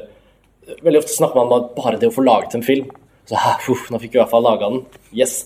Men det skal jo også utvikles sannsynligvis en karriere her. Da. Man er jo et menneske som på en måte ikke sant, filmer frem til man er 40. Prosjekter man skal Ja. utvikle nå også. Uh, Syns du det er noe man snakker for, for lite om? At, at et filmspråk skal måtte komme en vei? Ja, det er veldig viktig at, at filmskapere har en kontinuitet. Eh, og den må man jo enten eh, velge å ta selv, eller så får man den gjennom støtte. Og de har på en måte valgt det, og det, det blir jo det. Starta med en skrekkfilm, gjorde en skrekkfilm til. Så gjorde et eksperimentelt drama, så en komedie. Det har jo vært bevisste valg. Det har også vært filmer jeg har bare, altså, man har hatt lyst til å lage. Nå har jeg hatt korregi på to av de også, eh, med, med flotte kvinner, og det er veldig bra. Eh, men eh, man, man på en måte raffinerer eh, filmspråket sitt, og man eh, utvikler det, og man velger den veien selv. Jeg så jo det at eh, med en gang jeg fikk amerikansk agent, så alt jeg fikk av manuskripter, var eh, skrekkfilm. Jeg får det liksom hele tiden. På grunn av rådyr. Ja, og da får jeg bare skrekkfilmmanuskripter. Nå har jeg på en måte lagd to andre greier, og så åpner det flere dører. Så det handler om å ta et skritt for skritt for å komme i den posisjonen man sånn optimalt ønsker å være. Men jeg tror det er sunt. Men Er det da for mye fokus på prosjektet i seg selv, og ikke på det overordnede, f.eks.? Nei, fordi man lager jo film, så man lager film ut fra hva man har lyst til å fortelle der og da. Jo, personlig for din, på din side av bordet, men på andre siden av bordet for konsulenten. Burde de se mer til det overordnede prosjektet hos en regissør? Altså, Ola har et veldig tydelig prosjekt som vi snakket om, med Ja. Burde det være en slags premiss? Ok, nå Altså, jeg- spillefilm i den. tror nok det, det at regissørene eller filmskaperne er vel de som bør ut, utvikle det selv. Og så må man jo se på en måte om Og så er det jo opp til konsulenten å se om de finner noen verdi i det eller ikke. Mm. Enkelt og greit. Kjetil hadde en kommentar til Ja, jeg, jeg tror jo at uh, Filminstituttet egentlig helt få skjønner hva vi holder på med. Eh, for de har ikke kontakt med, med miljøet som er utafor. Når du skal inn og søke på enten, en ene, enten markedsordningen eller konsulentordningen, så må du ha en eller annen slags erfaring med deg. Så enten en erfaren produsent, eller at du må ha en track record som regissør osv. Det vi har hatt, er jo at vi har jo har vært, vi begynt med debutanter, og så har vi etter hvert fått et slags track record. Jeg må fortelle, for vi, vi i Filmens utviklingsavdeling inviterte oss, meg og Terje, inn nå i høst for å pres- presentere oss. Og da satt det 14 stykker rundt et bord, hele avdelingen. Og så spurte Ivar hva i all verden er det dere holder på med? eh, og, og så satt vi en halv dag og pratet og så fikk vi tre millioner støtte til en TV-serie to dager etterpå. Så da begynte det å gå opp. Så jeg tror at tida er nå snart der at vi faktisk kan søke instituttet om å få penger på trykk ja. til å utvikle noe. Men da må vi helst ikke begynne å skyte i morgen. Nei. Vi kan utvikle det først. Så nesten sånn litt sånn informerende virksomhet. Ser jo at det gjør trikset der. å komme inn og få, få sagt hva det er som faktisk skjer. Ja, altså, Energi krever jo at du har en såkalt seniorprodusent med deg. Du skal inn og søke eh, første runde, slik at du skal kunne kjenne alle reglene osv. Videre. så det der er en liten sånn høyde på antallet. Altså. Um, ja, helt klart. Uh, men, men jeg tror også det er én ting til som vi, ingen av oss har lyst til å snakke med selv om. uh, men som er eh, et viktig moment her, og det er at ehm, oh, Hvordan skal jeg formulere meg riktig? Men ehm, At det er, egentlig ikke er plass til oss, da, for å si det sånn. Eh, Dere som uavhengige filmskapere? ja, vi jeg tror liksom alle som sitter her nå, kan liksom sitte her og se noen likheter ved de tre som sitter her. Uh, som er slående. Uh, Skjegg. Skjegg. Og har er det et par ting til. Men, men, eh, men ja, det begynner og slutter egentlig der. Og, og, og, og, og det tror jeg er en utfordring for oss. Og, og det tror jeg også er en veldig, veldig, veldig utfordring for konsulentene. Fordi jeg tror egentlig det handler ikke bare om uvilje, men også handler om politisk press. Og det handler om altså de eh, Det er snakk om liksom kontinuitet. Visse filmskap skal ha kontinuitet. Og egentlig så handler dette igjen om matte. Hvis man begynner å liksom se hva slags filmskap vi har i Norge, og så sier man at de filmskapene som allerede er her, skal ha kontinuitet i arbeidet sitt, og så skal man samtidig drive en kjønnskvotering, så er det faktisk dessverre ikke plass til de tre som sitter på scenen her. Og, og, og det er en jævlig heavy debatt. Uh, og jeg vet ikke om jeg har tid til det her. lagt så mye at du, de også ser på deg? Ja, ja, men da må man liksom Man må komme så jævlig langt, da. Det er det som er Men jeg tror det ligger et eller annet her som er, som, som er vanskelig, eh, både politisk og på alle måter. At uh, og, og jeg tror at liksom, vi må liksom slåttes inn på et eller annet sted. Og, og kanskje, ja, når du liksom har Plutselig så kommer du dit at sånn, OK, nå! Men, men ja. Men en, men en annen måte å se på det ordet uavhengighet er jo også å regne det som en form for, form for frihet. da. At selv om måte, systemet pakker ting inn, og det blir til tall og det blir til hva sitter mener, Ja, så, så representerer jo den uavhengigheten det, Dere sitter her med nye filmer, og det er jo en seier. og jeg tror, jeg tror in the long run så har vi veldig godt av å blø litt. Altså Som filmskapere, og det tror jeg helt uavhengig av alt, så tror jeg liksom vi blir så jævlig sterke av å ikke la oss stoppe. Og, og måtte liksom blø for å få lov å fortelle historiene våre. Så jeg tror det gjør at vi liksom kommer til å sitte her eh, så lenge ja, vi lever om ti år. Men altså, ikke sant? altså jeg, jeg, tror at vi stoppes ikke her. Uh, så, og det tror jeg, det er tilbake til det å låne to millioner kroner, jeg tror det er sunt, da. Jeg tror man gjør folk en bjørnetjeneste ved å liksom la de slippe til for tidlig av feil årsaker. Får du større tro på deg selv også, faktisk, som filmskaper, ved at du tør å hoppe i det? Ja, jo, men altså, du blir eh, independent. Du blir en slappere filmskaper av å få konsulentpenger, f.eks.? Ja, men, ja, jo, men, jo, men altså, jeg, jeg tror ikke for tidlig. Altså, altså, altså, igjen, det er ikke sånn at vi ikke Altså, vi trenger også de pengene. Fordi jeg tror også Ole heller liksom Når han har lagd liksom to to personer på fjellet etter liksom, et antall år, så tenker du sånn ja, Jeg kunne godt tenke meg å ha fire mennesker i en leilighet. Altså, ja, men, altså, ja, ja, men, altså, det er noe med det. Du, du, du vil ha muligheten til å gå steder. Eh, og, og det er jævlig viktig for oss òg, at vi ikke bare har de begrensningene. ikke sant? Eh, så vi er avhengig av å få noe hjelp, vi òg. Men ville Marius også hatt godt av å måtte lage badstue inne på sovesalen sovesal igjen? Kanskje ikke badstue, men kanskje den før det. Nettopp. Jeg tror han har lyst til å lage noe som er litt mindre neste Ja, for det er også en utfordring å få et stort budsjett for kunnskaper. Jo, men jeg, altså, jeg tror alle har godt av å, å liksom få beskjed om at vet du hva, hvor viktig er dette for deg? Liksom? Men nå må jeg stoppe opp et øyeblikk, fordi dere har jo vært stille og veldig lydhøre, føler jeg. Eh, Vi skulle jo på en måte også lage litt rom for spørsmål fra salen mot slutten. Eh, klokken er nå 19.34, og det skjer noe annet her klokken 8, så da har vi liksom kanskje ca. 20 kvarter kanskje da, igjen. Så nå kan dere på en måte, hvis dere brenner inne med noe og har lyst til å stille et spørsmål, så må dere bare rekke opp hånden, og så, så tar vi det også inn nå her mot slutten. Eh, Ole, jeg så du ønsket å komme med en kommentar underveis her, og nå hadde du lyst til å si noe. Eh, jeg? Jeg bare trakk meg. Ja, ok. Ja, men jeg må tenke, vi måtte få lov til å tenke litt om, men er det noen spørsmål allerede? Ja. Jeg har et spørsmål til Ole Gjerde. fjellet. Jeg lurer på litt angående om dere improviserte noe, eller holdt det til manus eh, Hvordan forhold hadde du til manus på settet? Eh, nei, altså når det gjelder- replikker, dialog og sånn, så er det ganske sånn slavisk, det som står i, i manuset. Men eh, som også var litt inne på i sted, i forhold til det å spille i natur, da, på en måte, og med vær og sånt, og, og vind og, og alle de nye elementene som kommer inn, vet på en måte, som du forholder til, så blir det jo en viss grad av, av improvisasjon, men mer improvisasjon rundt teksten enn at vi improviserer helt fritt. da. Eh, og jeg improviserer også litt i forarbeidet. altså sånn at Når man skal finne karakterene sine og prøve å finne ut hvordan, hvordan snakker vi på en måte uten at vi har noe manus, så, så jeg bruker mer improvisasjon som en slags sånn, eh, en øvelse mer til å finne karakter. Eh, ja, et verktøy, ja. Men, eh, men når vi er på sett, så er det ganske sånn manus eh, Følger manus ganske slavisk, egentlig. Eller improvisere rundt det. da.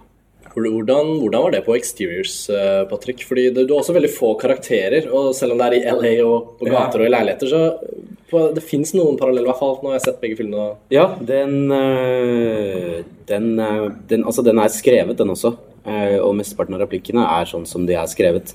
Eh, Men vi tilnærma oss på en sånn måte at vi hadde en liten session først. Den består jo av på en måte tre forskjellige plotlines. Eh, Og de, jeg skrev en versjon av manus hvor de var flettet sammen, men så valgte jeg å skrive de separate i sånn 35-siders segmenter i stedet, og bare lot de aktørene eller karakterene som var til stede i sin sekvens, bare lese sin bit.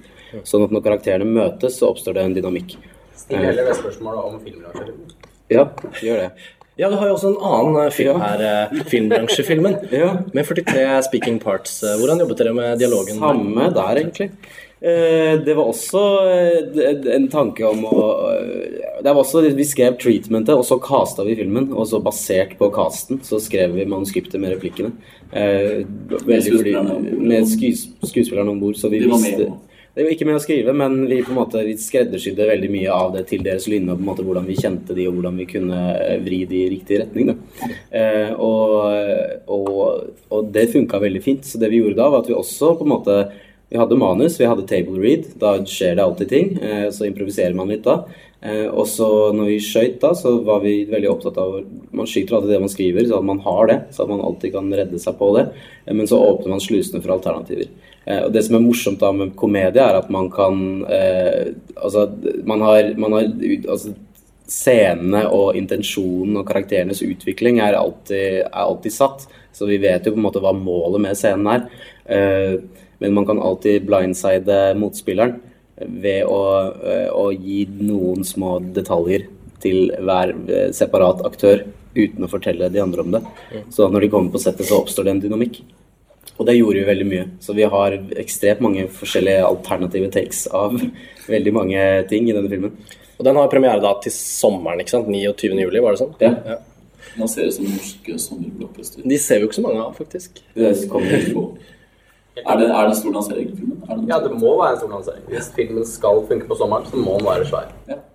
Rekk bare opp hånden hvis det er noen flere spørsmål. Eh, jeg merker jeg får litt lyst til å spørre om, eh, om liksom når det kommer til lansering. Syns dere For nå sitter vi jo her, og filmene deres er på vei, og alle ønsker at titlene skal bli sett. Eh, Det å være liksom uavhengig, det å ha satt opp lån som sånn, blir jo liksom en litt sånn innøvd historie, nesten. Altså sånn lidelsen til den uavhengige filmskaperen går og ser filmene deres. Hvordan, hvordan føler dere at den balansen kan opprettholdes for å skape interesse, samtidig som dere vil jo ha liksom innholdet frem? Altså, det må være en ekstra I- utfordring. i forhold til lanseringen Ja, i forhold til og presse og liksom markedsføringen. Ja, Fokuset man på har fokuset på Ja, altså det, I forhold til oss så er jeg veldig sånn opptatt av at eh, man lager den filmen man, man ønsker å lage. Eh, og man gjør sitt absolutt beste for å få det til å funke.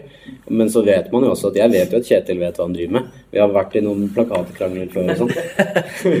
og det var gøy, det. Og dere har, ikke, dere har ikke låst plakaten til Hjelp vi er i filmen? Nei, det har vi ikke. Men nå er på en måte Nei, ikke sant? Men det er på en måte litt av det at man, man, man slipper litt taket på det etter hvert også, og ser det at det er to vidt forskjellige ting. Eh, også kanskje fordi den derre Prowl, den amerikanske vampyrfilmen som jeg gjorde nå, der har jeg ingenting å si på noe som helst av eh, markedsføringsmateriale whatsoever. Stills, trailer, posters, alt gjør de uten uh, mitt Så der, der har du den amerikanske metoden, på en måte. og da på en måte, jeg har blitt ganske sånn, eh, ganske sånn herda på det. Uh, Men i tillegg så vet jeg på en måte at, at Kjetil og de er veldig flinke til å, å finne hva tonen til filmen er, og kommunisere det utad, for man vil jo ikke lure publikum heller. Uh, Så, så i forbindelse med lansering så er det bare å holde pusten og hoppe ut i det, liksom. Men utgangspunktet ditt med å stille spørsmålet er det en fordel å gå ut og si at det er en uavhengig billedfilm osv. Eh, nei, det toget har gått. Ja, det er ikke så mange som bryr seg om det. det alle Nå sier det er Over halvparten av filmene som kommer, er det, så er det, det er ikke det noe story lenger. Altså. Så, I hvert fall i forhold til filmbransjefilmen så, så har vi valgt å ikke snakke om det i det hele tatt. Og heller ikke hatt opp på det, føler jeg. Nei. Ole? Nei, det blir jo litt sånn eh, Fordi at det er så spesielt år med så mange filmer, Ja. eh, så blir man liksom pionerer for den måten å lage film på. Da blir det veldig fokus rundt det. Jeg skriver bok om oss etterpå i stedet. ja, ikke sant? Er det noen filmvitere i salen, så er det bare Ja, så eh, altså, det er ingen av oss det er ingen som går og ser en film fordi den er laget for Og den er laget for 300 000, den har lyst til å gå og se. Man vil jo se den pga. innholdet. Eh, Men vi er kanskje litt sånn med fjellet litt heldige med at vi får denne festivalen først, og så blir det mye fokus rundt det akkurat nå. Men forhåpentligvis så blir man litt sånn lei av det til vi skal på kino. da. Til min måned. film kommer. Til din film kommer. Ja, men det tror jeg er en fordel for deg. Du vil jo også at folk skal se filmen fordi den den er bra. Ikke fordi den koster et visst sum. Dere har jo liksom vært til stede litt på nettet allerede. Det var strengt tatt sånn jeg har hørt om filmen deres første gang. Hva, hva, hva føler du er liksom utfordringen deres for å få filmen frem? Det, det, er, det er faktisk litt morsomt, fordi jeg var veldig sånn, fast bestemt på at liksom, vi skal ikke snakke om lavbudsjett i det hele tatt. og det ene, altså det liksom alle har kasta over som ulver, er at jeg har lovt to millioner kroner. Nå sitter vi her. Eh, ja, ja. Jo, men det er liksom, litt sånn paradoks, da. Fordi vi har jo Vi har lagd en, en lavbudsjett Eller en film utenfor systemet som faktisk ikke er lavbudsjett.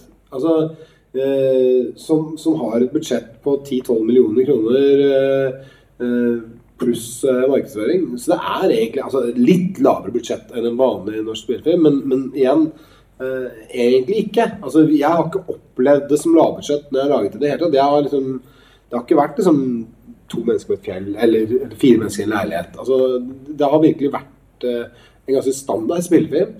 Eh, bare at vi har ikke hatt så mye cash. Så det har vært mye mer at liksom, vi har eh, hatt mye kreditter. Og sånn sett kanskje ligner det mer modellen på Tomme tønner, hvor dere også hadde en film som lå liksom egentlig eh, ja, på 10-11 millioner eller noe sånt. Så, så, så jeg føler at jeg, jeg liksom egentlig, har egentlig vært redd for liksom, Hvis folk tror at dette er lavbudsjett, så tror de at det er noe simplere eller altså det har liksom absolutt vært en ting jeg egentlig ikke ville si. Når jeg hadde sånn møte med distributør sånn La oss ikke snakke om lavbudsjett. Men så plutselig er det sånn Dagbladet VG Å, du lager lavbudsjett! Ja, så er det sånn, OK, det er en sak, jeg skjønner. Og Da er det fint det å få den derre independent-stempelet i stedet. Ja. ja, jo, men det, det, det er greit. Ja, Et fritt uttrykk som vokste frem helt uten påvirkning, på en måte. Jo, men altså, det er Ja, men jeg, jeg føler ikke at jeg har ikke lagd noe Altså, jeg har lagd ja, en lavbudsjettfilm på én måte, men på en annen måte ikke. Interessant publikum, som sagt, de neglisjerer du egentlig uansett. De de Ja, ja, ja, nettopp. eh, Jo, men nettopp fordi jeg vet at vi folka, kanskje dere, som er her nå dere er liksom, Men, men sånn, jeg vet at mine venner De vil være sånn Lavbudsjett? Nei, vil ikke se og det er sånn Ok, men jeg vil at dere skal se det, derfor kan dere ikke tro Altså, jeg, jeg får ikke noe kred blant liksom eh, mine originale, originale vanlige menneskevenner. Eh, De du- for, for lavbudsjett. de bak er- der i hukommelsen. Ja, ja, men- ja, vanlige mennesker syns jo ikke det er gøy med lavbudsjett. Det det betyr bare at det er en film som ikke egentlig ser så bra ut. Sant? Eh, så derfor så, så, så er jeg vel sånn Nei, nei, det er ikke lavbudsjett, egentlig. Men opplever du at eh, norsk ikke lenger er en ting de Ja, holder seg jeg, unna? ja, jeg tror ikke folk Altså, vanlige mennesker igjen er ikke noe opptatt av det norsk eller ikke. Det er, en, er en bra film, liksom. Eh, og, og det, jeg tror det er det vi må liksom konkurrere med. Bra film. Er det, er, er det interessant? Er det kult? Liksom, det, er, det, er det en, en film du må se? Men det blir jo tross alt den som skriker høyest når det er 30 et eller annet. Filmkino så blir det Jeg tror ikke det, jeg tror ikke det er å skrike høyt hvis du egentlig har lagd en dårlig film. Og, og det er det Det det jo, men, ja, men det, til jo, men jeg, jeg tror i, Norge, så i mer enn noe annet land nesten i verden, tror jeg, så tror jeg faktisk word of mouth det er så jævlig viktig. At liksom lager du noe som ikke egentlig holder mål, så sprer det seg som ild i tørt gress. Altså. Det, er, det er sånn det eneste du kan gjøre, er å lage en god film, og så håper du at liksom eh, markedsfører alle de tingene på plass. Men altså, du, har ikke noe sjans med en drittfilm i Norge. Omtrent. Altså, du, enten så har du publikum, eller ikke. Men, men som Kjetil sa tidligere da han kom inn, så er jo på en måte disse kinosjefene er jo et slags første publikum på mange måter. da. Altså, de blir jo strengt tatt med en digital utvikling hvor man nesten kan sette opp det må du gjerne korrigere meg om jeg tar feil, men man kan sette opp et ganske bredt program som kinosjef på en liten kino et sted i Norge. De kan. Så, så disse kinosjefene blir jo tydeligere og tydeligere maktfigurer da, på mange måter, som skal bli et førstepublikum for, for Men- deres men igjen, film si ja men, men igjen, ikke sant? Altså, jeg mener, vi er blitt såpass gamle nå, vi som sitter her. At, at, vi- For deg selv, da. Vi skjer jo ja, Ok, sorry. Nei, da. Nei, men altså, jeg, jeg tror liksom det handler om liksom, de folka de- altså, jeg tror ikke, altså, Fiendebildet vårt er liksom, det er ikke kinosjef eller noe. De også liksom, Er det noen som vil komme og se den filmen, eller ikke? Altså, Det er så enkelt som det. Altså, enten så vil folk se den filmen du har laget, eller så vil de det ikke. Og, og det eneste vi kan, filmskapere kan gjøre, er jo å lage noe vi tror noen vil se. Og så, så kommer kritikere, så kommer kinosjefer, alle sammen. Og, så, og hvis nok folk sier at er det ingen som vil se, så beklager, så er det ingen som vil se det. Geir har sans på dramatikk her. Eh, jeg, altså, helt riktig at word of mouth er kjempeviktig, spesielt for de filmene som har Norge, tror lave budsjetter. Og det word of mouth-effekten trues jo veldig av nettopp uh, av digitaliseringa, hvor absolutt alle kinoene kan i teorien ha premiere på samme film samtidig. Mm. Da får du first run den helga, og så er det rett ut igjen. Den rekker ikke å spre seg i det hele tatt. Så der må, der, det, vil, det kommer til å være en kjempeutfordring fra høsten av. Eh, så de neste 20 filmene som kommer den høsten der. Eh, og det er også litt derfor vi setter film, Filmbransjen til sommeren, for da vet vi at vi har tid til å få spilt den, i hvert fall. i det minste. For det kommer til å være tøft. Det kommer til å være jævlig trangt. Uh, og kinosjefene vil selvfølgelig vise det største og det nyeste hele tida, for nå kan de endelig for en gangs skyld tjene penger. Helt naturlig. Jeg tror publikum bestemmer hvis en film går bra i Bergen, Bergen kino vise den, så vil den komme på kino Bergen også etter hvert, hvis resten av landet er Men du også altså, Jeg må bare si en ting. Jeg må bryte deg. Men, men du også, Kjetil, jeg husker vi hadde en samtale bare for noen få dager siden. For jeg har liksom hele tiden sett deg litt som idealist, da. Ja, på en eller annen, og på et eller annet plan så er du vel litt det. Så sier du Men Geir, jeg også er jo veldig opptatt av å tjene penger. Ikke sant? Og, og, jeg skjønner at liksom, de eneste som ikke er opptatt av det, er jo liksom kanskje vi tre som sitter her. Du er jo, du er jo nødt til å være så smart at liksom du legger opp både liksom markedsføringspakke og alt mulig i forhold til hva du tror kan tjene inn. For Hvis ikke så får ikke du lov å sitte der lenger. ikke sant? Hvis ikke så får vi ikke lov til å lage en film til. Nei, nettopp. Ikke sant? Så, så, så det, men det, det er, Men det, det er ikke noe fiendebilde. Det er jo bare liksom, sånn er det bare. ikke sant? Og Opplever du at det er, det er noe filmskaperne også begynner å forstå? Altså, er de liksom veldig innforstått med Ja, altså, ja, helt klart. Eh, Men det var det, liksom det første vi snakker om eh, når vi begynner å snakke om at eh, ok, så gjør vi det. Pa- Patrick og Ninni er der med rovdyr og 18-årsgrense er eh, støpt i stein. og, og dere er enige om at ja, dette blir det besøkstall av, eller? Ja, men det ble jo det. Ja, jeg vet, men jeg bare tenker hvordan Fremdeles den best besøkte 18-årsåpningen i Norge. År.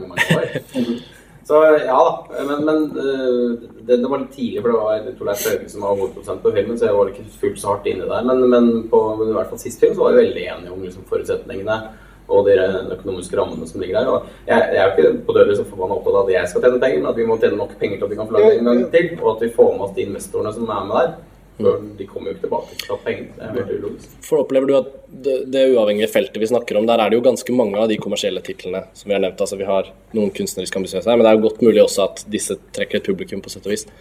Men de bakfigurene, da, de, ingen av oss eh, vet hvem er disse investorene, liksom.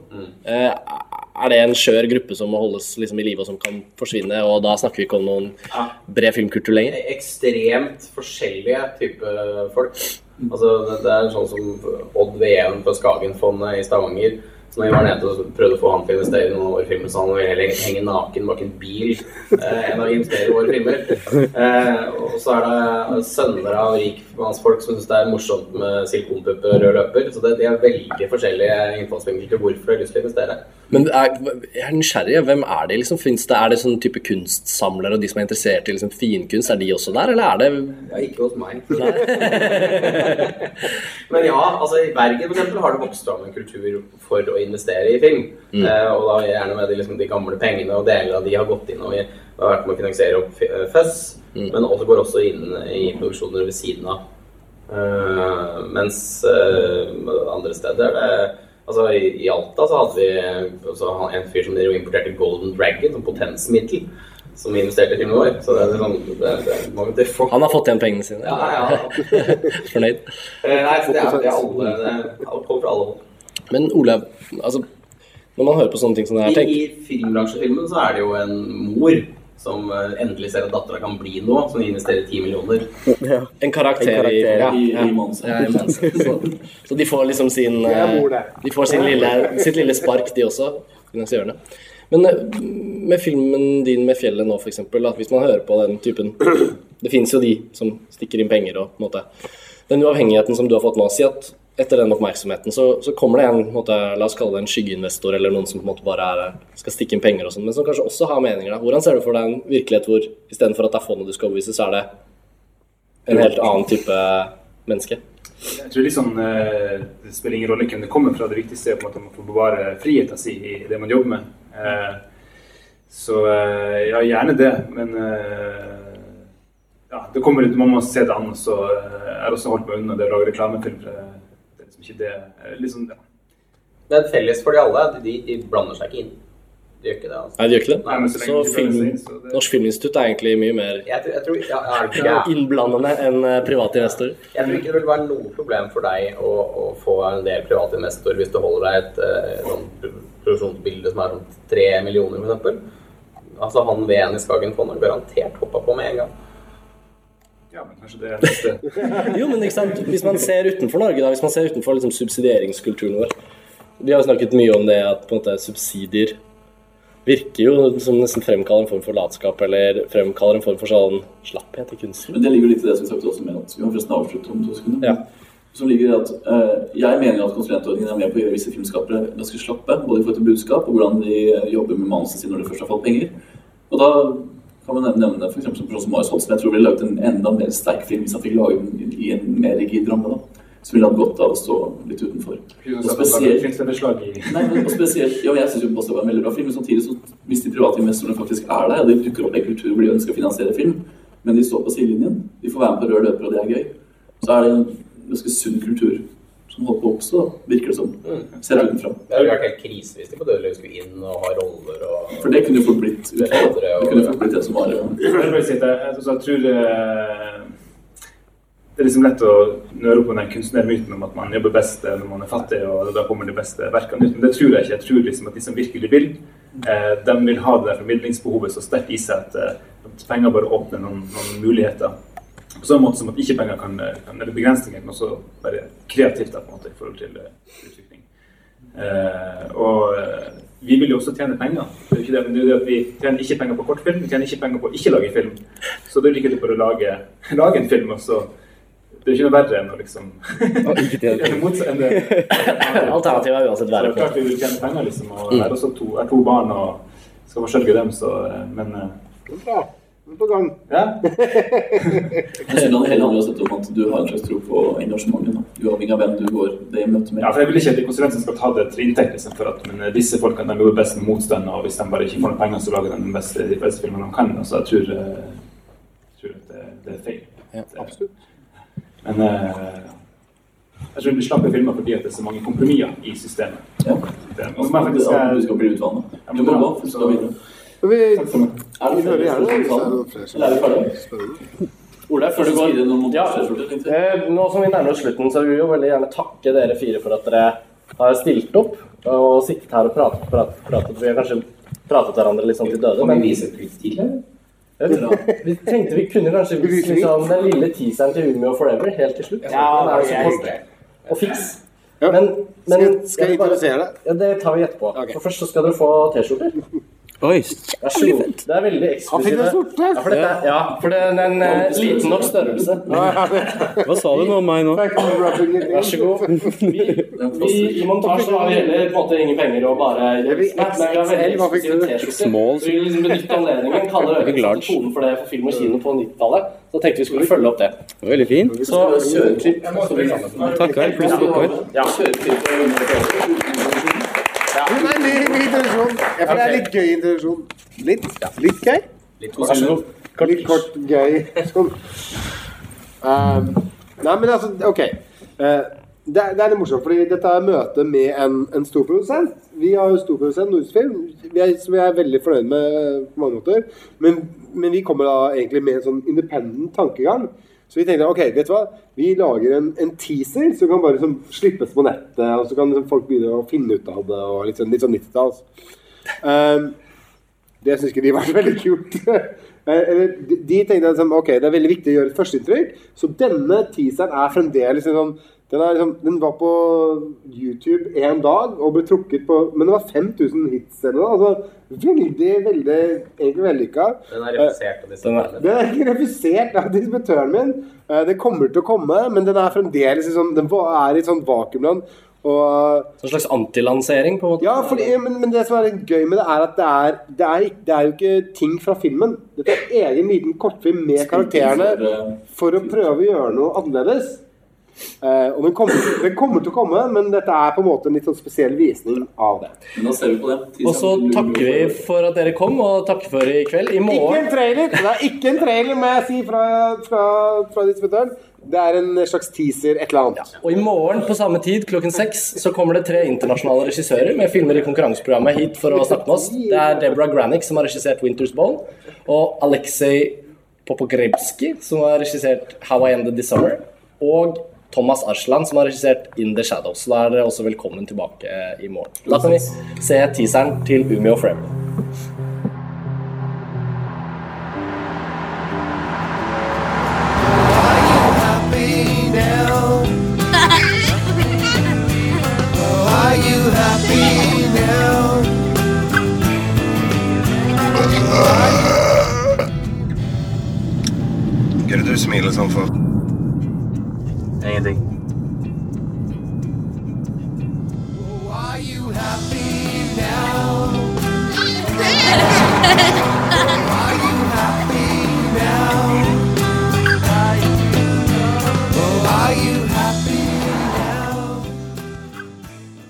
var det vi hadde fra Filmbadet i Tromsø.